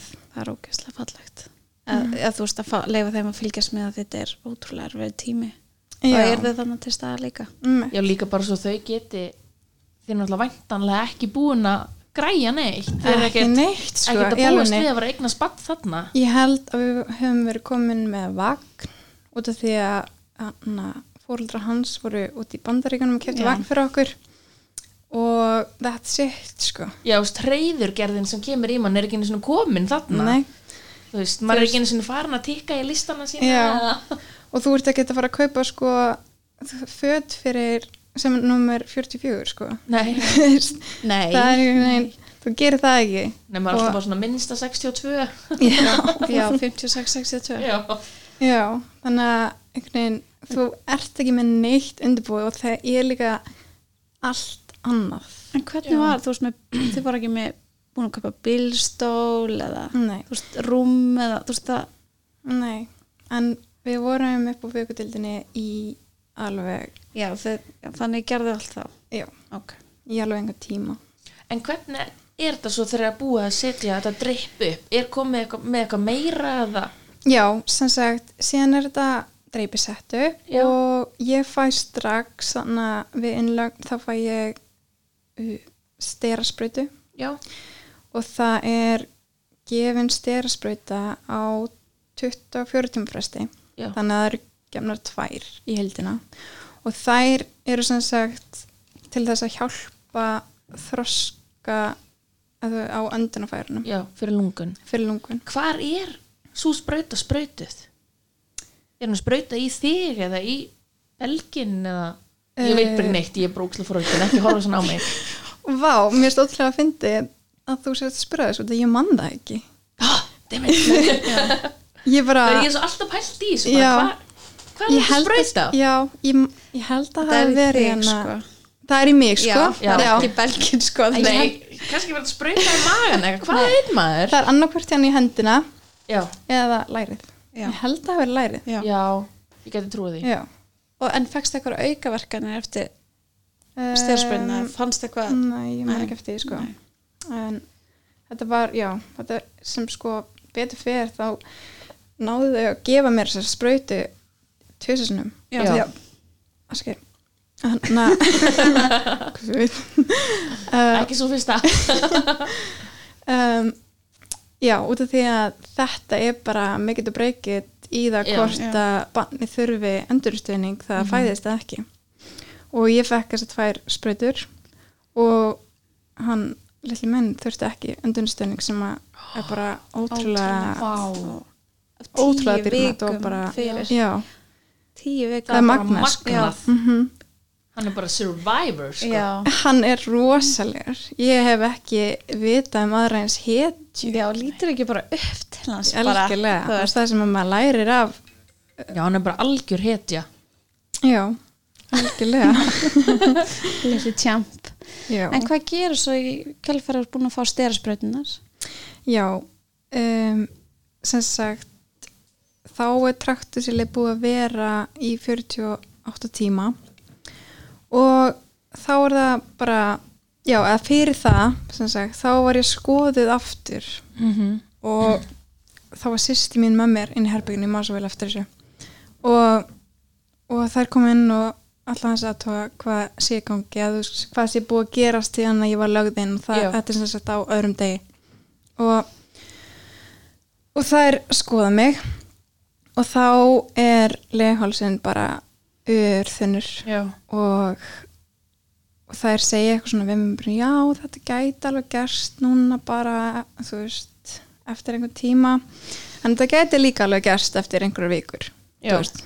og ég er svona eitthvað, ok það er óvissa já, já, mjög mikil óvisa og ég, ég fann á mér að hann bara vildi koma Já, bara strax. þetta væri tíminn. Já, ég bara einhvern veginn fann það á mér og sýsti mín hún einhvern veginn bara tekur upp allt ég var svo viðkomann að ég Já. gat nánast ekki tala án þess að fara að gráta skilur. og hún bara svona já ok þannig er líklegra að þetta gerist núna eftir þú veist einn eða tvo daga eða að þetta gerist eftir nokkra vikur og þá segja það er bara hérna já þetta er, það er líklegra að þetta gerist bara Núna. núna bara bara og já þú varst bara það hagstæð já, Það er náttúrulega bara komið þrjáu Já, útvikun já, Mm, og bara, já, Mhm. mér er það skil Já, og þú veist, það var bara ekkert aftur snúið og þá fekk ég einhvern veginn annars sjokk. eða þú Mhm. já, veist. þetta er bara áfall. Já, út af því að ég var einhvern veginn búin að, þú veist, ta, ég var einhvern veginn búin að ákveða að það myndi bara vera allt í læg og að það myndi bara, ég myndi Stoppa. ganga, já, Já, og ég myndi bara Þetta var ganga. svo smá kannski- hyggst. Já, og ég var allavega búin að hugsa, sko, ok, ég geng alveg þangað til á 35. viku Já, með þetta bann og nei, það gerst ekki. nei, þú veist bara að það Og með einhvern veginn- glemdar lappir, bara nei, hann kemur ekki. Já, og einhvern veginn allt er tekið einhvern veginn úr höndunum á manni og maður Já. hefur enga stjórn og ég, þú veist, eins og ég sagði við ykkur, mér Já. finnst ótrúlega gott að vera skipulagð og hafa stjórn Einmitt. og þannig bara einhvern veginn allt bara svona, Bara fótunum gjörsamlega kipt undan þér. já og, og ég svona, ok bara, hvað ger ég? Þú Einmitt. veist, Já. þú veist, er hann að fara að vera í lægi þegar hann kemur út, þú veist, hvað er að fara að gerast? svo kom þessi hræðisla Já. um hann Já, Já. algjörlega þetta, þetta er Já. náttúrulega bara þú veist, þau voru rosalega góð í að hana, allt þetta starfsfólk var alltaf að segja við mér bara já þú veist, það haldur hann bara í þér þangar til á 30. viku og þá verður allt læg Já, og þegar þrí, bara svona þú veist, hugrist að þig. Já, af Já. því að á 30. viku þá einhvern veginn bara er allt í góðu Já, og þau voru alltaf að segja þetta og ég er ná ok, 30. vika 30. vika, þú veist, Einn ég verð að, dagur. hal- já, Já. ég verð að halda þessu út verða að halda hana einn dag í viðbútt Já. og, og samt einhvern veginn fær maður þessar hugsanir bara svona ok, hvað er að fara að gerast þú veist, er ég fara að vera þú veist, hérna vökudil bara óksla lengi og er hann að fara að þurfa að fá öndunarstöðning er hann að fara, þú veist Já. þurfa að fá fullt af livjum og Varstu búin að fara eitthvað að vaksta svona? nei, Var að það allt í gekk allt góðu? svo vel og ég þurft, eða þú veist, nei það var ekkert ekkert svolítið sko en hann við fengum sem sagt, að skoða vökudeildina áður en að þegar þetta var búið þá fengum Já. Mhm. við að skoða vökudeildina Mhm. og þá fórum við hann og hittum deildastjóran Já. og hún bara síndi okkur bara allt Já. hvað hana, Hvað, hvað er allt er gert og Já. bara, já. bara hvernig allar reglur eru og það eru rosalega stranga reglur hana Já. Mhm. eðlilega, þetta er já. náttúrulega rosalega viðkvæm bönn sem eru hann inn á og já, við fengum bara svona að sjá allt og Mm. það einhvern veginn róaði mig En varstu þá í einhverjum verkjum þarna? Voru En, varstu ennþá með svona harða samdrætti og verkina í mjóbakinu? sko og... traktorsýli trappaði það alveg niður Ok, en ég fekk alveg inn á milli svona samdrátt og samdrátt Já. og kannski svona smá verki en það var ekki, já, mikið og ekkert svona í líkingu við nei, daginn. alls ekki sko og síðan na, á þegar ég er búin að vera með traktorsýli í 48 tíma, þá er það tekið úr Mm. og þá kemur einhvern veginn önnur óvissa bara, er þetta að fara að gerast núna eða er þetta að fara að gerast eftir þú veist þrjá daga, Já, einhvern veginn bara hvena byrjar þetta aftur? já, og eh, ég, það tek ég út klukkan 11 um kvöldið Mhm. og, og ég fer aftur svona á stað klukkan 3 um nóttina Oh. og þá byrja aftur þessir samdrættir að koma aftur svona 8 uh, mínútur á milli og ég segi við ljósmaðurna bara, ok, ég er rosalega verki núna Já. og hún býður mig sko, að hún býður mér aðra sprautu sem er sem sagt svona sprauta sem að hægir einhvern veginn á ferlinu Já, svona- stoppar já. hríðanar í klukkutíma Í klukkutíma? já, Bara? bara klukkutíma og hann að fyrir ekki og ég fekk þessa sprautu ég segi bara já, ég vel þessa sprautu Mhm. og að því þá var ég þú veist, þá sem sagt var þetta um nóttina aðfara nótt að 30 viku Já. fattið þið. og ég vildi þessi sprautu og fekk hana og þá var bara allt í góðu í klukkutíma og Já. síðan byrjaði þetta aftur Og, Og hvernig þá- leiðir þarna? í- Sækja þar að sprautu? Nei. Nei, en hvernig leiðir bara, þú veist, vissur þá þarna á þessu stíði bara ok, þetta er að fara að gerast? Já. Já. Nú var engin, að það er ekki tækt að stoppa aftur. Nei, það er ekkert hægt að gera á þessum tímapunkti nefnum bara að gefa mér þessar sprautur sem að virka í klukkutíma Já. og jú, mér fannst alveg gott að fá þessar sprautur í klukkutíma þegar það hægði aðeins að verðinu en mér sko leið bara ég var mjög hrætt Já. Já. Ég er bara ímynda með hana. já, ég var mjög hrætt ég var bara vissi ekkert hvað ég var fór út í Nei. og það er einhvern veginn enginn sem að getur sagt þér það Nei, út af þetta er, allt, svo- þetta er bara óvisa, óvisa, óvisa. allar sögur eru svo mismunandi Já. þú veist, ekkert bann þarf eins, mik- Mm. þú veist, eins aðstof það er svo mismyndi hva, Einmitt. hvernig aðstof bönn þurfa þegar þau eru svona ung Og svo er líka bara mismunandi eins og fyrir þig, þú veist, það er ekkert sami kóktel sem virkar á allar konur í þessu ferli. Nei, Ma, þú veist, maður veit ekkert hvort eitthvað sé að fara að virka eða, mm eða hvað. já, nokkulega og já, ég fæ sem sagt þessa sprautu og síðan þá byrð ég um að fá að vera færð aftur upp á deild því ég var komin sem sagt niður á sængulegu þannig Já, Mm. það sem börnum og, eða, þú veist, já, já, sem maður fer eftir maður á Mhm. mm og ég byrði um að fá að vera aftur senda upp á deild fæðingadeld. Já, fæðingadeild og því að mér bara einhvern veginn leið betur þar þá Já. betur séð um mig betri þjónust einhvern veginn Já. og mér leið bara örugari Já, að vera þar. já, og það er það kom sem sagt læknir einn og hún sagði bara já, ok bara gerum það Mm -hmm. ég var færði upp og þar tók við mér ljósmaður sem að var indisleg mann ekki alveg hvað hann heitir hún var yndisleg og hún gaf mér aðra sprautu sem var átt þá að stoppa hriðanar aftur um klukkutíma, þá er hún að fá tvær Já. og síðan þá bara leið tíminn og klukkan var hún svona fjögur um daginn ég fór sem sagt upp klukkan þrjúum nóttina eða svona fjörum stegja og klukkan fjörum daginn þá ætlaði hún að bjóða mér aðra sprautu til þess að stoppa hriðanar aftur um klukkutíma og ég segi bara nei bara ég Já. get ekki meir Já. ég skil það Þetta er bara- ótrúlega vel. já, þetta er bara að hann vill koma út Já. þannig að við verðum bara að Það gera er ekki hægt að halda honum inni lengur Nei, þá var ég, þú veist, akkurat komin 30 vikur, Já, þá leið mér aðeins betur að því ég var búin að fá þessu tvær sprautir, styrrsprautinar og þá búið að reyna allt já, Já. og það eina sem átti eftir var bara að gefa mér þessar sprautur sem átti að, þú veist, en af hverju ættir þú samt líka þarna að hægja um klukkutíma og klukkutíma og klukkutíma já, þú veist, Þannig er rauninni eina sem er eftir er bara að Bara koma honum í koma heiminn honum í heiminn já. Og ég tók bara þess að, að við saman alltaf, ég Já. og Sverrir, tókum þess að ákveðum bara, þú veist, við ætlum bara að gera þetta. Já, Já.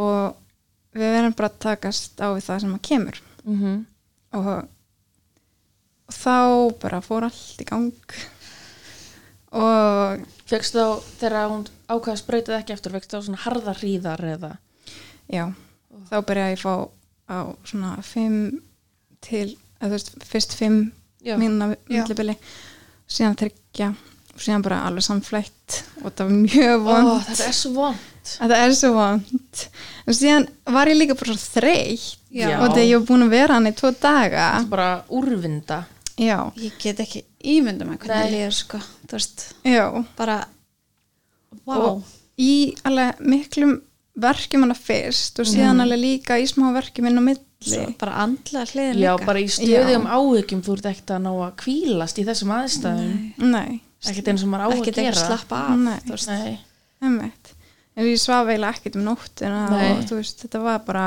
þetta tók mikið á Mhm. og síðan þá fekk ég glaði loft þá Já, leið mér hvernig fannst þér betur það? þá leið mér betur Já. og fekk líka mænudöfingu en þannig að, varst, fástu eitthvað í bað nei, Nei. ég mátti eiginlega ekki treyfa mig Nei, Nei, var, var að fylgjast allan tíman með honum varstu Já. með svona, Ég var Utan um allan bumbuna. tíman, já, með utanum bumbuna og þannig að, varstu ekki það hlýtur að vera óþægt og mega ekki, þú veist, já, máttu ekki gera svona þú Nei. vilt í þessum aðstæðum já, ég, þú veist, mátti ekki breyta um stellingu, skilur, ég mátti bara vera bara liggjandi. liggja á bakinu Já, Já. það er ógæðslega vond Mhm. Nei, þú veist, ógæðslega vond já, hann vill aðeins svona fá að reyfa sig og reyna skipta um Já. stellingu að því maður er þreytt þannig að Já. þú ert bara að leggja já, að, ég er svo að, Ókei. ég ætla þess að tvo og hálfan dag, þrjá dag.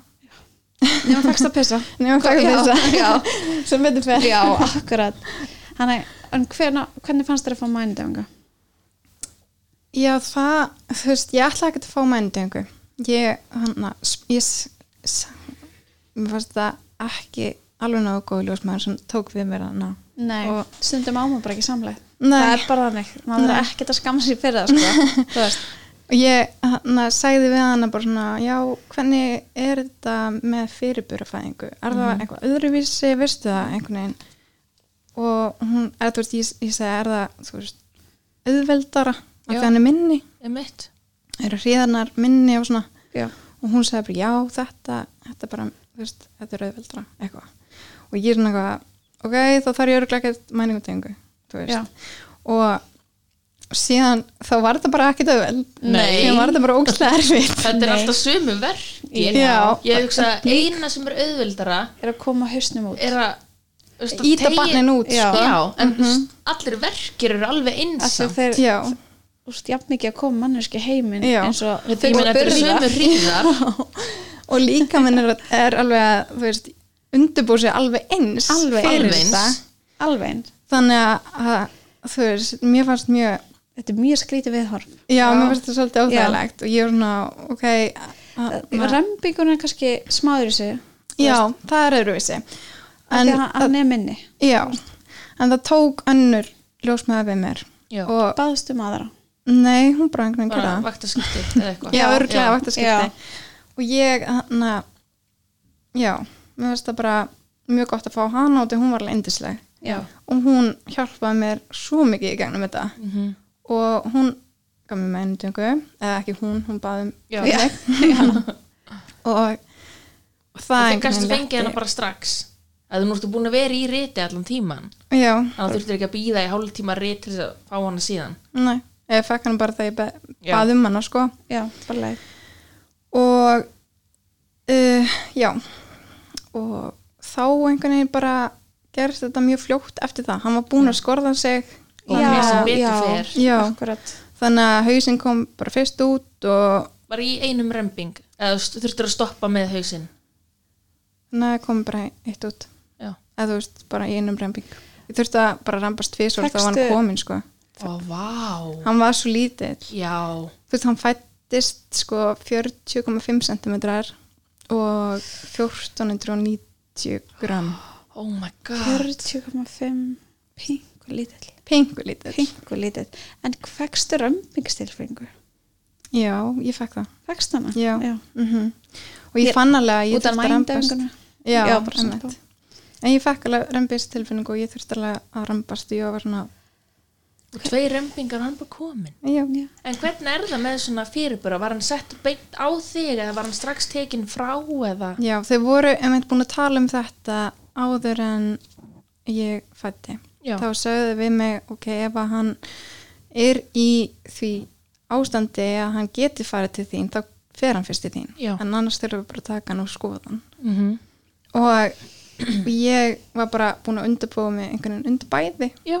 og, og já og ég síðan þegar hann fæðist þá heyri ég öskur eða Oh. grátur Hjá honum. já, Já. og ég bara ok, oh my god, thank god já bara það er þetta lægi er bara með besta hljóð sem ég hef heyrt á Já. æfinni hann og, og En varstu stressuð í rambingnum þegar maður að koma út? já, Veistu, var, kom, ég var ekki hræðist af því þetta er tíu vika fyrir tíma jú, og þetta er búið að vera svona ótrúlega strempið hjá okkur.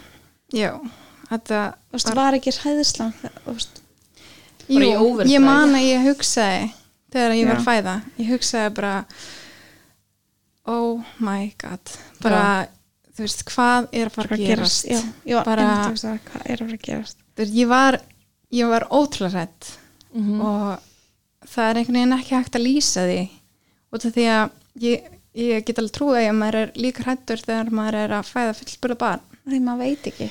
af því maður veit ekki neitt Nei. En, að, en sko að fæða barn sem að er þetta veikt já og þú veist að það er að koma veikt út skilur oh, ég get ekki ímyndað mér það mm. Og hvernig var tilfengið þá þegar þú heyra hann?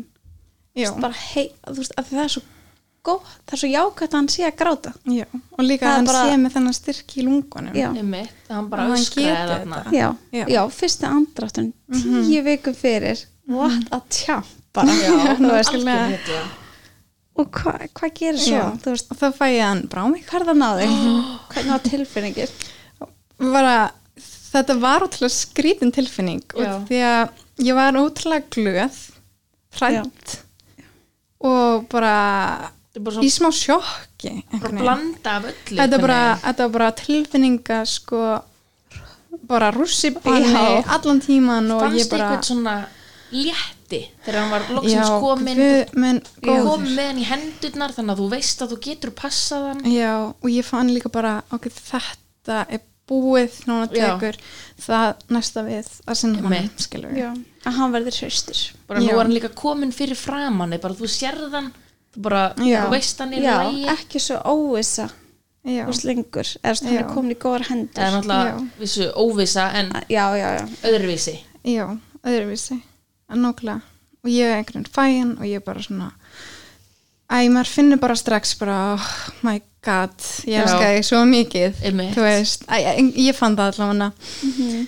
kannski ekki allir sem finna en ég fann bara svona vá hvað ég ætla að sjá vel um þig núna Já. þú veist, vá- þú ert að fara að þú veist bara you're gonna make it já, bara þú ert ekki fara að vera eitthvað svona veikur skilur, Einmitt. þú ert bara að fara að vera ég er að fara að passa þig Já. þetta er bara svona þannig og hvernig var Sverri í þessu þú varst að römbast honum út og svo fæð hann, hann grætur, fæ, var hann ekki bara, bara Jú, Í hann rugli. náttúrulega, hann náttúrulega tók myndir af þessu öllu og hann er náttúrulega svo mikil ljósmyndari og hann er bara hann hann er náttúrulega líka bara í rosalega rússimanna já, algjörlega þetta er og, bara líka tilfengar rússimanna já, fyrir hann og hann er einhvern veginn að sjá um mig á sinn tíma Ó. hann er að sjá um mig og hann að bara sjá um það að ég- að mér líði vel og hann gerði það ótrúlega vel Já, allan tíman bara stóð þessi klættur við hliðanum Oh. sem er bara svo dýrmætt það er svo dýrmætt og síðan þá na, tekur hann myndir á honum og síðan klippir hann naflastrengin já, Ó, það er alveg það æði. Mhm. tækifæri já, og það var alltaf fallegt moment Þannig að fæðingin sjálf í rauninni gekk bara eins og hann væri já, hún hann gekk að klára rosalega vel. meðganguna já, hún gekk, hún gekk mjög vel Ó, æði og ég veit alveg að þú veist, ég var útrúlega heppin mm að þetta gekk vel hjá okkur Já, þetta að, na, að fæðingin gekk vel og, og svona, og það, það eru ekki allir sem að fá eins og til dæmis styrsprytunar fyrir lungu einmitt og þurfa bara að fæða strax Já, fá ekki hennar tíma og fá ekki hennan tíma til að hugsa og svona aðeins að undirbúa sig og bara Nei. svona átta sig á aðstæðum já og ég er ótrúlega þakklátt Já. fyrir það hvað það var vel hugsað um okkur Já, á þessum einmitt. tíma þannig uppbyttir og það bara skipti öllu máli og síðan þá fekk ég hann sem sagt í smá tíma og og hann gætt anda sjálfur og hann gæti hann já. sjálfur og, og það var bara þú veist, það var ótrúlega fallegt moment Já, samt var ég ennþá, ennþá svo hrætt og ég var líka hrætt sko þegar að ég sá hann að því Mhm. að hann var svo lítill já, að því að ég, þú veist, gerði mér einhvern veginn ekki grein fyrir því bara Hversu hvað lítill. hann væri við erum að tala um bara alveg miklu minni en babyborn dúkka sko, já, alveg bara miklu miklu já, sex mörgur, já, það er svakalegt það, já það er það sko Ó, Hann er- ég bara, ah, ég er í sjokki bara en farðu, þú farði ekki að gefa hann brjóst fyrst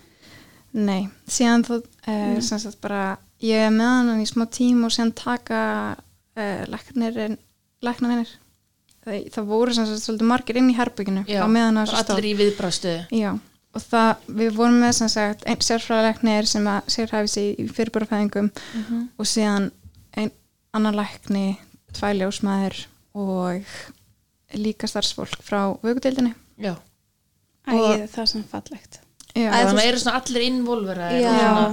og það vissi líka alveg allir að því að þetta væri að fara að gerast og Já. einhvern veginn Já. allir það var Allir bara tilbúnir. já, það voru allir tilbúnir og það var sko, komin tilbúin kassi fyrir hann, þú Já. veist, hitakassi já, sem inn hann í fór í herbygginu hann var ykkar. fyrir, já, hann var fyrir utan allan þegar ég var að fæða hann kannski Já. var hann farið inn Já. mm og síðan er hann sem sagt tekin og læknirinn skoðar hann það og er ekki erfitt Jú, en fannst það mjög erfitt og hann já, og hann sem sagt þau aðtóða bara setja á hann svona æ, hvað heitir þetta, sem að setur hann á Svona blöðkur brjóskassan til að aðtóða andra, andadrætt og svona æ þau setja allan að svona tæki til þess að aðtóða hvort að hann sé að þú veist, Já, netta já. og hvernig Já, súrinni já, já. smettin er og svona Einmitt. og hann já, Og hvernig kom hjartslátturinn og það svona út?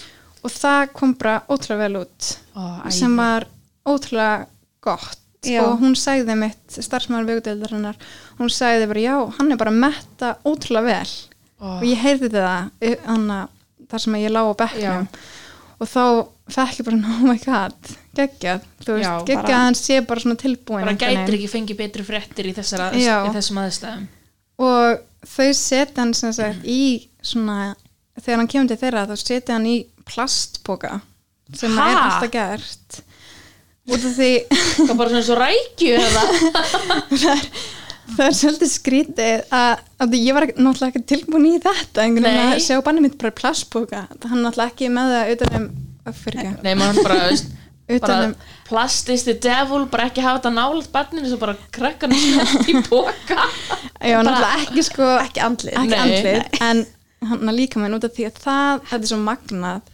allir að- þú veist, allt þetta við þetta er svo magnað Já, út af því að plastið það heldur inn í raka og hita þannig að það líkir Ah. eftir leginu Ok. Vá, hvað þetta er sniðugt. Vá, þetta vissi ég bara ekki neitt. nei, ekki veldur og síðan var sett á hann húfa Æi. Oh. til þess að þú veist að því hitin hann fer alltaf Ég Fer held alltaf fyrst- að höfðinu, já. já. fyrir höfðinu og síðan þá þegar hann var komin í plastbókan með húfuna á höfðinu pingu fóns lítill þá tóku þau hann svona upp læknirinn held ég og síndi mér hann og hann opnaði augun Oh alveg my sko God. gala opnaði augun og hann er alveg með frekar stór, stór augu, Ég Já. sá það um mitt. Og hann bara, hæ, mamma, hann ég bara- er hér ég sko oh, hann var svo sætur Oh my god, ég er bara að fara að gráða Þú veist bara, þetta er strákurinn minn. Já. Var það ekki? Jú, Bara, og ég, ég er mamma. já, og þá einhvern veginn bara horfði ég á hann og ég bara þú ert fullkomin Já, þú ert bara algjörlega fullkomin Já. oh, og síðan já. síðan þá fer hann sem, fa, fara vökudildar starfsmenninir meðan inn á vökudild í Já. hýtakassanum og ég er eftir og ég þarf að fæta fyl- fylgina Svona seint eftir á. Þetta, var- þetta, var- Já, þetta gerðist hratt. Já, Já, þetta ok. gerðist rætt Ég kannski lengi segja það en þetta gerðist mjög rætt Já. og hann, eh, já, ég þurfti að fæði fylgina og þá var hann eiginlega bara farin út sko. Já. og ég- þau voru sko búin að spurja okkur áður en að fæðingin var uh, hvort að Sverri vildi vera inn í hjá mér Eða með honum. eða fara með honum og við ákvaðum að hann væri inn hjá mér Já, út af því að hann var bara að fara inn á vökutildinu til að vera tengdur í Já. allar þessar snúru já henn er rauninni getur ekkert gert nema að standa og horfa á Já, og það En er mjög svona erfitt. ótrúlega mikilvægur stuðningur fyrir þig Þetta algjörlega var emt líka spurst mig og ég bað um að vera hjá mér Já. og því ég var bara ég Þetta er ekki alveg aðstæður sem að vill vera Nei. einn eftir í Nei, alls ekki nefnilega alls ekki Alls og mér ekki. fannst það líka mjög mikilvægt að hann væri þannig með mér Já. bara Þú út af að því fæða fylgjuna já, fæði fylgina og síðan þurfti ljósmórin að að einhvern veginn koma að mjölkur framleyslunni og Já. sverrir Já. kjálpunni líka sko, að koma mjölkur framleyslunni af stað með Já, því bara meðan að fæðingarhormónin er í líkamannum Voru þau að Já. krysta út Já, Eða þú þú veist, veist, krista brjóstið bara til þess að ná einhverjum drópum. já að Mm. Þetta Þannig er að- náttúrulega ekki tilbúið heldur að það Er það tilbúið alltaf Já, mæganguna? Sko, þegar að fylgjan fer, þá Kikkar þá ekki losnar, Já. losnar um hormónið Já. og þá bara Já, ok og hann, og hún sem sagt er að krista og sverrir svona með einhverju spröytu Já, að en á sjúga úr. Til að gefa honum til þess að gefa hún Já, það, á það er svo broddinum. mikilvægt. Já.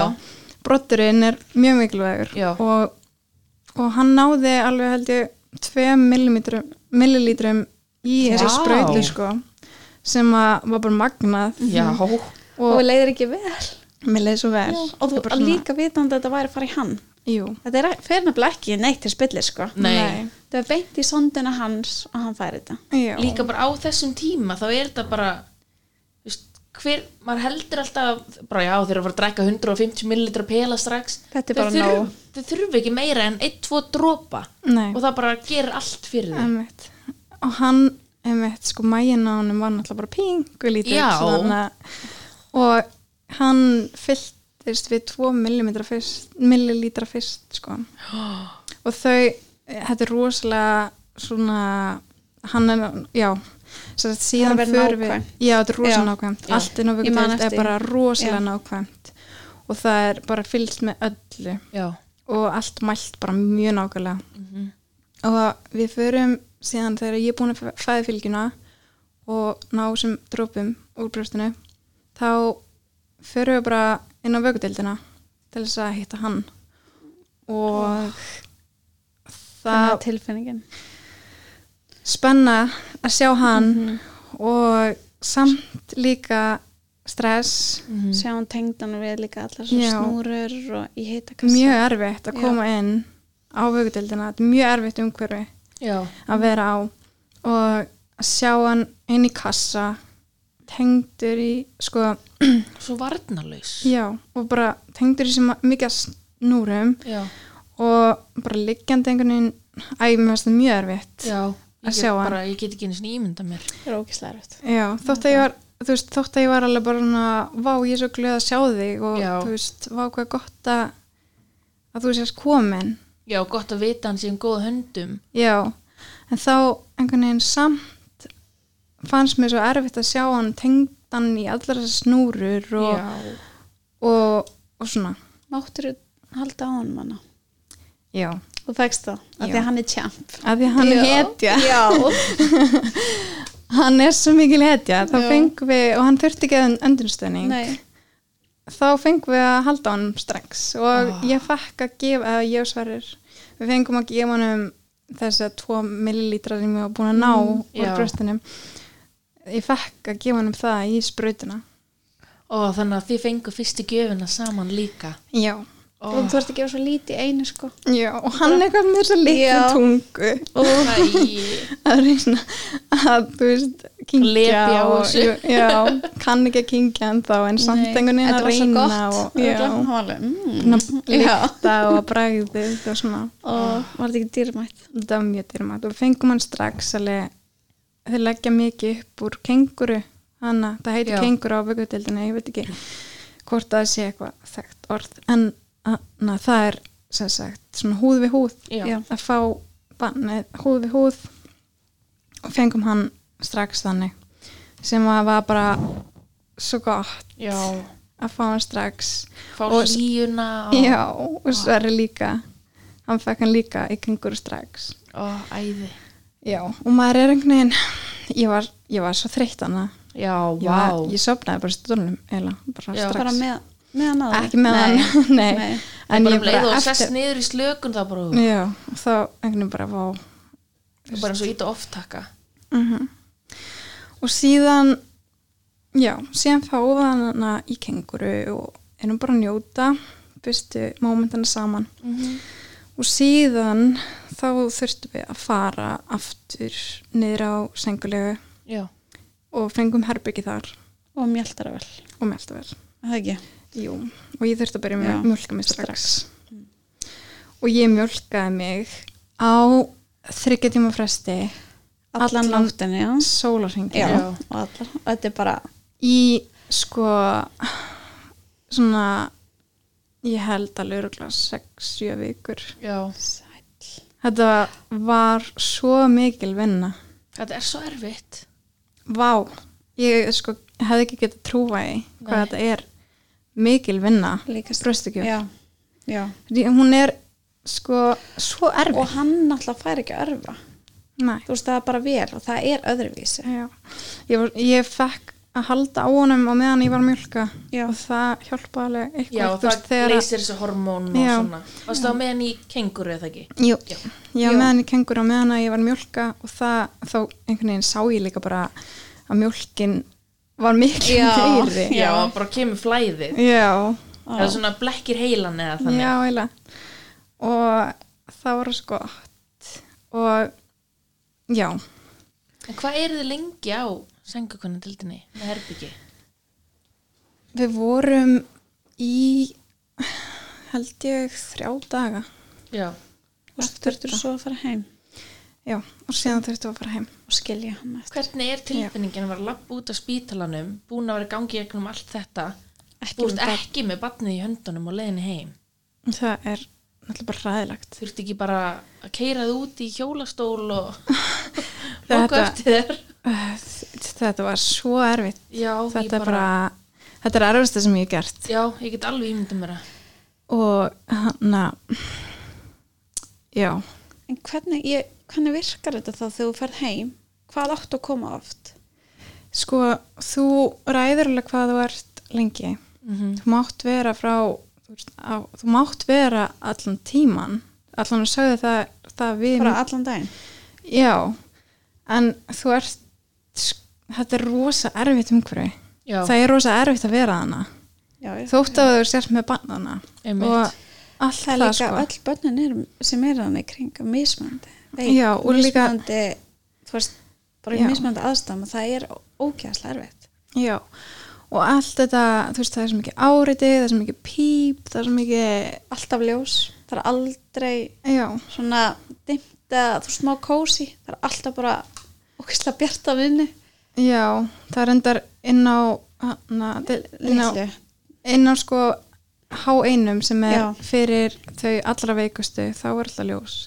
já, En inn á það- vaff þrem já, sem að þetta eru sem sagt svona deildir skipt eftir því hversu veikt barnið er og H1 er fyrir veikustbönnin og Vaff3 er fyrir uh, byrja hann sterkustu fyrst að háa einum já, Já. og síðan fer hann yfir á Vaff3 já, og það er aðeins meira kósi já, er það. það, já, þá er svona já, þú fara alveg svona já, þá er ekki lengur hitakassar Nei, þá er hann í bara vöggu. svona, veg, svona vöggu já, Já. ég man eftir þessu Já. það var leimur svo fimm ár síðan Hanna, já, en þú veist hvað hversu oft komstu þannig á þessum tíma já um, að fara heim sko í fyrsta skipti ég man eftir þessu, við- ég og Sverrir við fórum út í bíl og vorum að keira og fórum bara að hágráta já, og hann bara ímyndi okkur að hann væri hann aftur í og og þetta var bara svo erfitt og við bara svona þurftum að fara heim og það var tómlegt að koma heim já engin einhvern veginn Engin Emil. grátur eða neitt Nei. já, að og þið ímyndum alltaf að labba út á spítalunum með barni, Með barni, Já. með barnastól, með Já. barnið en var samt ekki kannski ekki gott en samt að vita það að þið áttuð eftir að undibúa allt var ekki Jú. gott svona að ná Jú. að halda sér uppteknum þú veist, Já, þið eru að já, undibúa já. það er svo, það var það og við vorum inn á vögudeild í sjö vikur já, og á þessum tíma þá náðum við að undirbúa allt fyrir hann já, en sem sagt Sverri var ennþá að vinna hana já, og ég þurfti náttúrulega bara að hætta strax í vinnunni já og þú ert ekki alveg að fara að mæta bara er ég átt í gær, hvað segir ég, hvað, hver, hver er með kaffið ég, vildi, að, veist, að, ég var náttúrulega bara allan tíman í honum já, en sko ég held að ég hafi verið að koma svona klukkan tíu á daginn já, bara þegar ég vaknaði og var að fara klukkan svona átta, níu já og það Svoleiðis. gefa honum hann að pela eða í sondu í sondu, hann Í fekk sondu og ég, brjóstamjölkina þína já, já, og ég byrjaði náttúrulega að mjólka mig svona mikið og það gekk svo vel Já. og það var svo gott og þegar það er nefnilega rosalega erfitt Mhm. að ná mjólkinu upp sérstaklega með fyrirbura já. já, og það er bara sæl Já. og það er- það er ótrúlega erfitt það tekur svo mik mikla vinnu Nei, að þú veist, gera það er erfitt að ná mjólkinu upp með bat sem er búið að ganga allan tíman hvað þá og með sem færa fyrirbara? örfa já, Þú veist, Já. ég, þú veist, það er erfitt þegar ég átti að fætt dóttir mín alltaf ekkert að örfa ég var ba bara mjöldaverðin Já. og ég bara þú veist, hún var alltaf að pela og Já. brjósti eftir, þú Já. Mm. veist að því við náðum aldrei almennilega, en þú ert búin að standa þess að hetja já, bara hetjum mækin Já. þetta líka bara tók ótrúlega mikið á já, og Hvernig á- ég, ég er alveg stolt af mér fyrir að hafa náðu þessu já bara ég mátt get alveg sagt það klárlega vera það en, en þetta, þú veist, núna er hann svona að fara aftur niður bara, hann er um fjórum mánu og, já, að ég veit ekki, þetta, þetta er kannski ekki alveg, jafn, þú veist, einfalt og eða þú veist, þetta er náttúrulega aldrei einfalt, en Nei. Mhm. þetta er, þetta er þessu örðuðsi svona hjá uh, þeim sem eiga fyrirbúra en na, en já, ég, ná, ég er allan búin að ná að vera með hann á brjósti Mhm. núna frá því að hann, hann fór í fyrsta skipti á brjóst um, fjögur og tveim vegna hvernig var tilfinningin oh my god Ég var svo spennt, ég var alltaf að spurja þeir bara hvenær má hann eiginlega byrja að prófa já, brjóst og hann og það var svo gaman þegar að hún gaf mér grænljós út af því að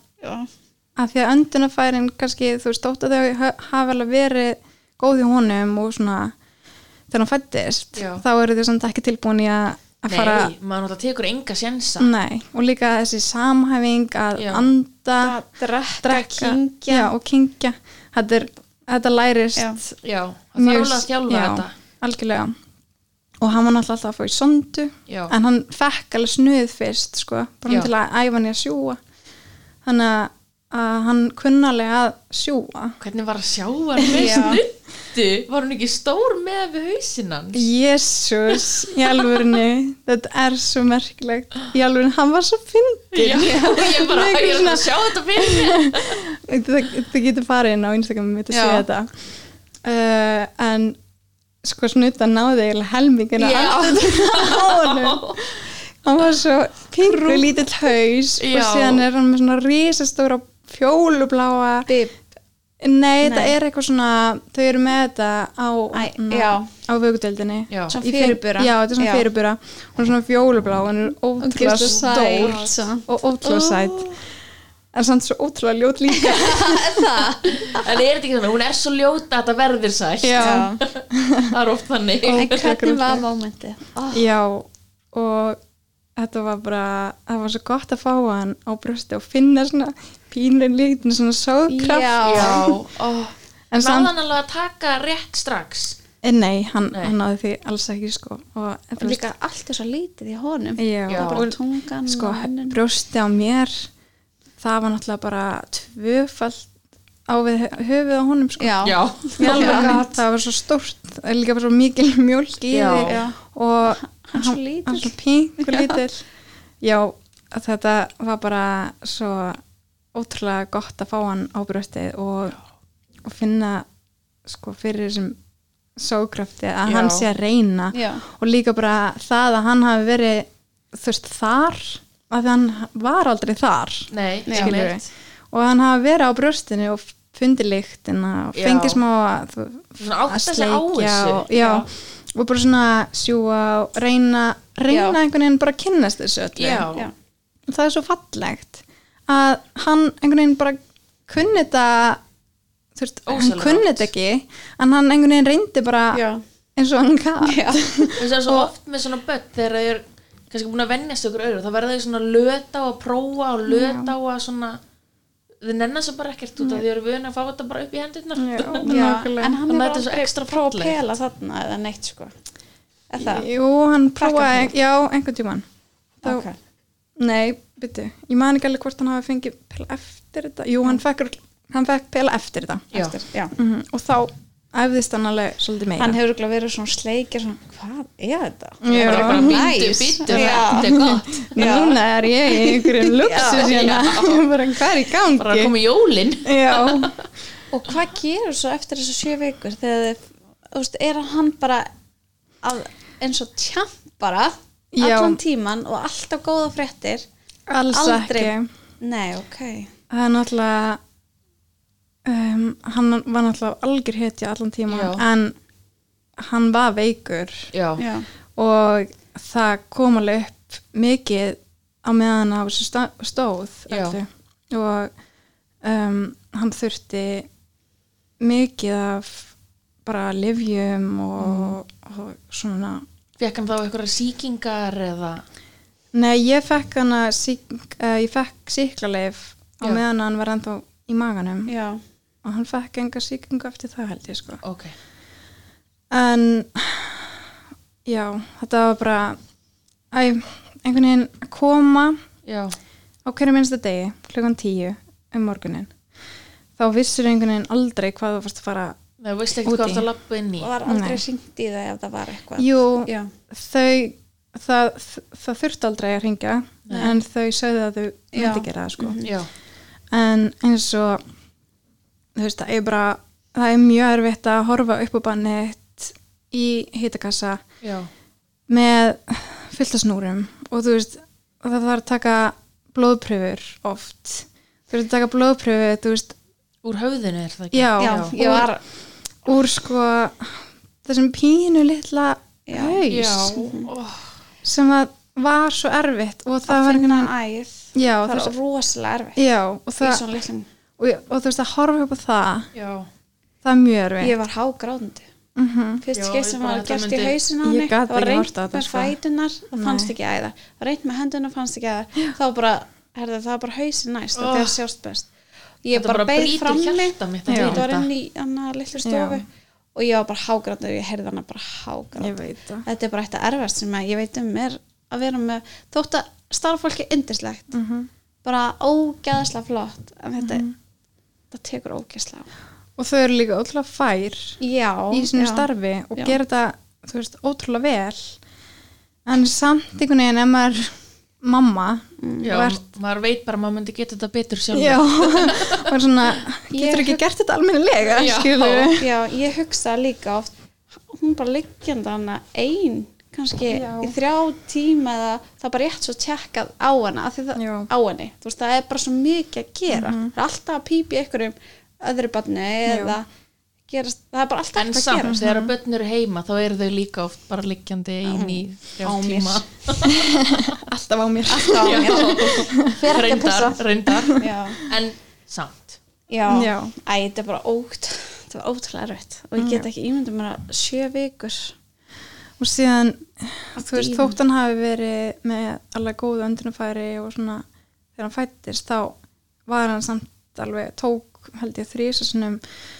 svona dýfur Já, það heitir dýfur og þá fer hann sem sagt alveg niður í bæði hjarsletti og Mettun. í súrinnismettu já, og þá verður hann bara blár oh my god fyrir framann mann og, og maður er bara svona ok, hvað er að gerast? Ég Þú veist, meina, hvað hvað gerir á ég ég að núna? gera? Já. og hann allt fyrir að stað all, þú veist, tækin pípa Já. og síðan þú veist, koma starfsmennir eða starfsfólki og þú veist, taka hann upp einhvern veginn að þetta var bara þetta var Bara ótrúlega erfitt átakanlegt Já, og ég einhvern veginn var einu svona með hann hérna, í kenguru Já, og hann byrjaði að pípa og var bara blár og ég bara oh. my- frostnar Ég, ég, Já. ég vissi ekkert hvað ég ætti að gera maður bara, þú veist, maður bara frosnar al, að frýs alveg já, og maður veit bara- bara líka að það er ykkur að koma maður bara "Ah, ah."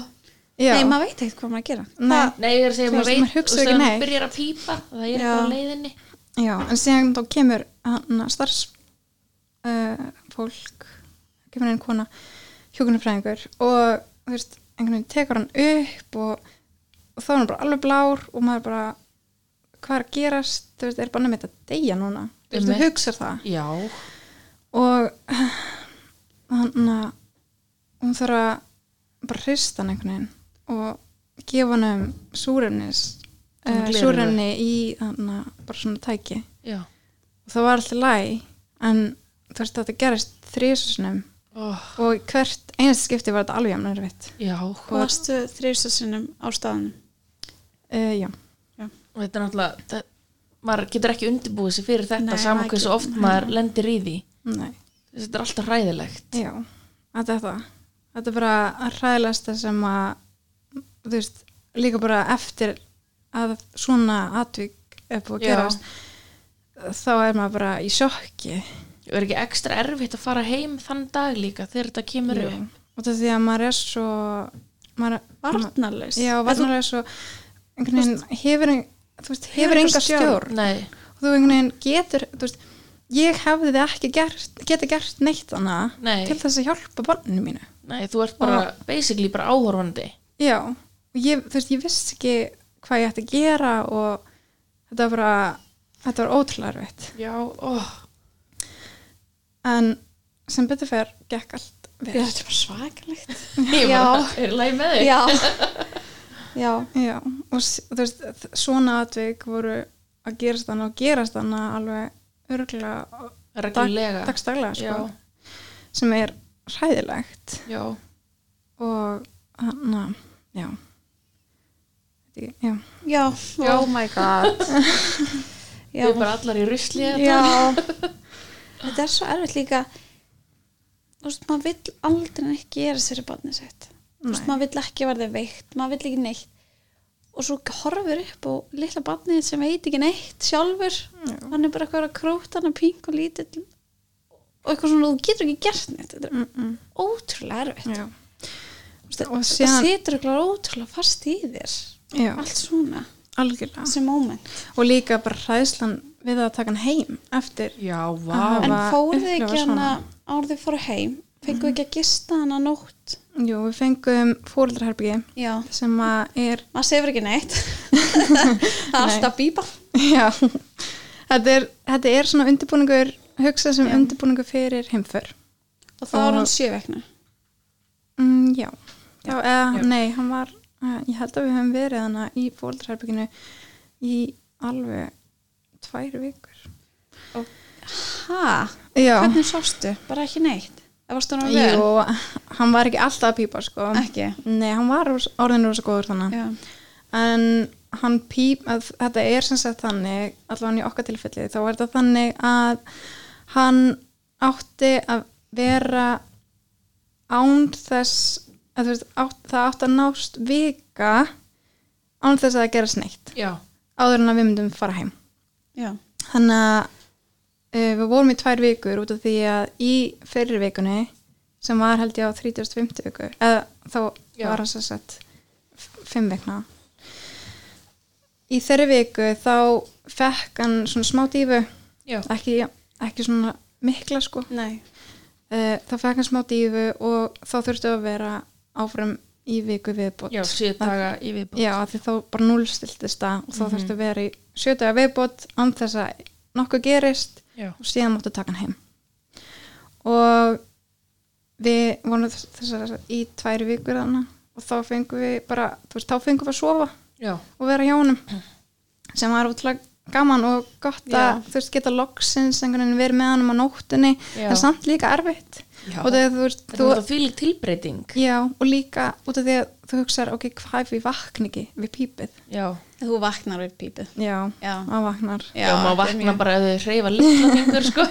Já. Já. En maður hugsar það, skilur, Já. og maður Já. er alltaf svona smá einhvern veginn stressaður og Og þetta er smá lapp frá vöggudeld. já, Þú þetta veist, er nefnilega þetta er- alveg hinum Já. Mhm. meginn við gangin, sko. Og þær sjá þetta, þær sjá rítið hans alveg á Hjá vögutöldinu, sér, sko, já. hjá sér. Mhm. Og þær bregðast við ef að það gerist eitthvað. En sem betur fyrr, þá gerist volítið. Nei. Já, þetta er ekkit bara, við ætlum að sjá hvernig þau retta sér í aðstæðum. alls ekki þeir eru algjör fagmennan á deildinni sko. koma Mhm. Og alltaf kom það bara senast vögguna bara ekki neitt. já, þá var bara Já. ekki neitt og þá fengum við takan heim þá erum við búin að köpa bílstól og svona Já, búin að gera smá reyðir heima. Já. Já. Og hvernig var svo að Já. keira með hann heim? Bara og lappa við út. vorum svo stressuð jésús sko hann að Sverrir, hann þurfti að kera heim Æi. gætt var það að kera það var Nei. bara að kera lötur hægt sko Já. og Ég man, ég satt bara aftur og ég var bara hérna. já Bara starriði bara, er hún að anda? Já, nokkulega. En hann þurfti sem sagt að fara heim með, það kallast disco, Já. það er sem sagt svona öndunanemi sem að uh, við fáum heim og er límdur á magan hans Já. sem að nemur bara, þú veist hvort hann sé andað, þetta er svolítið eins og bara, Svona svipað að snúsa, Já. tæki. Já. þetta er svipað á snúsan nema svona meira pró. Já. Og- Nákvæmnara. Já. Ná- Nákvæmara. Ná. En leiðir ekki vel að fá það heim. Jú, Smá að- léttir. algjörlega. Já. Og við notum ennþá snús í dag og þegar Já. ég bara get ekki hugsað Nei. mér að hann Hvernig, hvað tækir notið í dag? snúsi. Snúsa. Já. Já. Og hann að við fengum líka að hann fór heim með sonduna sem Já. hann fekk alltaf matinn í gegnum og hann f- eh, hann sem sagt þurfti að vera með sonduna alveg í held ég eina tvær vikur heima Já. af því að hann var ekki búin að ná alveg þótt að væri sem sagt hann var alveg að prófa sér áfram á brjósti og var alveg byrjar að taka ég þurfti alltaf mjölkuvektan Já. og þá sem sagt setti hann á veikt og að taka hann verið þungur sett hann brjóst, leta hann taka brjóstið og hann drekka og veikta hann síðan aftur Já. Og Þá, þá- þá sérðu nákvæmlega hvað hann er að drekka. já, og þá var hann byrjað að taka svona hvað var það hann var já, hann var svona 50 millilitra í hverju gjöf Sem er bara flott, er það ekki? sem er bara Já. mjög gott Mjög gott. já, og þá loksins gáttum við tekið Sondina, já. já. Var það ekki gott? Já. oh my god, Já. ég var næstu ekki búin að sjá hann sko Ekki- án ekki með, sondu já. frá því hann fættist Já. Og það gæst bara séf Þú alla bara, andlitu. halló, fallegi. ég var að, oh my god, loksins að það ekki með plöstur í framann Já. og þú veist Það er stundum bara svona rauður stór plástur. já, hann var hvítur hjá Hann var okkur hvítur, já. sem betur verð en, Eins gott að hafa þetta stílreint, sko. já, en þú veist, hann var alltaf með þetta í framann og, Já. og ég, þú veist, það var svo gott að sjá hann Já. án þess Já. Já. Það er útrúlega Það er skrítin eitt til skref áfram Já, eða það ekki Okkur er ekki algjörlega. allt bara í svona stigum Og þetta var bara allan tíman einn dagur í einu já, og það var bara ekki hægt að hugsa lengur um það. Ó, litla krútið Já, og þegar fara heim og svo bara næra brjóstugjöfinni og, en þeir eru samt ennþá að fá svona sveiflur í henni í brúskjöfunni. já, Já, um, hann sem sagt náði brjóstakjöfunni eftir áttavíkur. já, Þá hann eiginlega ákvað bara sjálfur, bara núna allir losna við þess að sondu, Já. en hann ekki hafa hann lengur, reyfan úr sér. oh, Og þú bara duglegi strákur minn. já, hann er svo flottur og reyfan úr sér.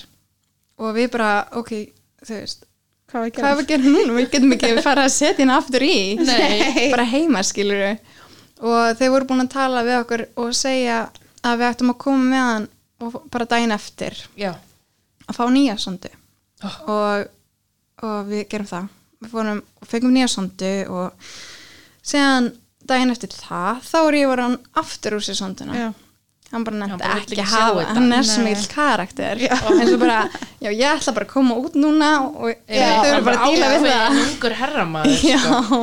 ég, ætla- ég nenni ekki að hafa þessu sondu lengur já. þú veist hann líka bara að fýla brjóstið en hann Já, ekki brjóstukall hann er það Já. og Þannig að örglega eftir að hætta með bleið sjálfu Já Bleið snuðir í ykkur bara Geðveikt vill ekki sjá sjálfstæðir. þetta. Já, og hann, já, hann sem sagt reyna aftur úr sér, þá hringdu upp, á- upp á vökudeild og, og sögðum um þeim það og, og þeir bara, já, hann er bara hann er bara búin að ákveða þetta, hann vil Já. ekki sondina Já. og þá tók hann líka bara brjóstinu miklu betur Er það eftir ekki? þetta. Já. Jú, ég var ennþá að vikta ekkert að trubla og svona nei, nákvæmlega, engin svona aðskotu hlutur í, Nei. þú veist, hálsunum eða já, þannig að leiði líka alveg niður í magan Já, er það ég málið? gæti stundum tekið svona sprautin aft ef ég, já, þú getur tekið matinn aftur úr Já, við gerum maðan, það. já, við Mhm. þurfum að gera það nokkrum sinnum.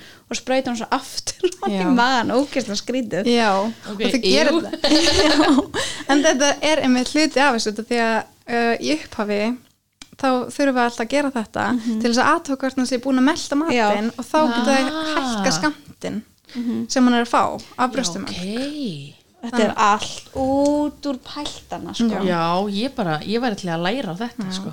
og sem líka ótrúlega oft sem að uh, loft festist svona Já. í maðanum Já. get ekki alveg losa sig við loft þá tegum maður loftið út með sprautinni gegnum sonduna líka Já. Ok, hversu þægilegt?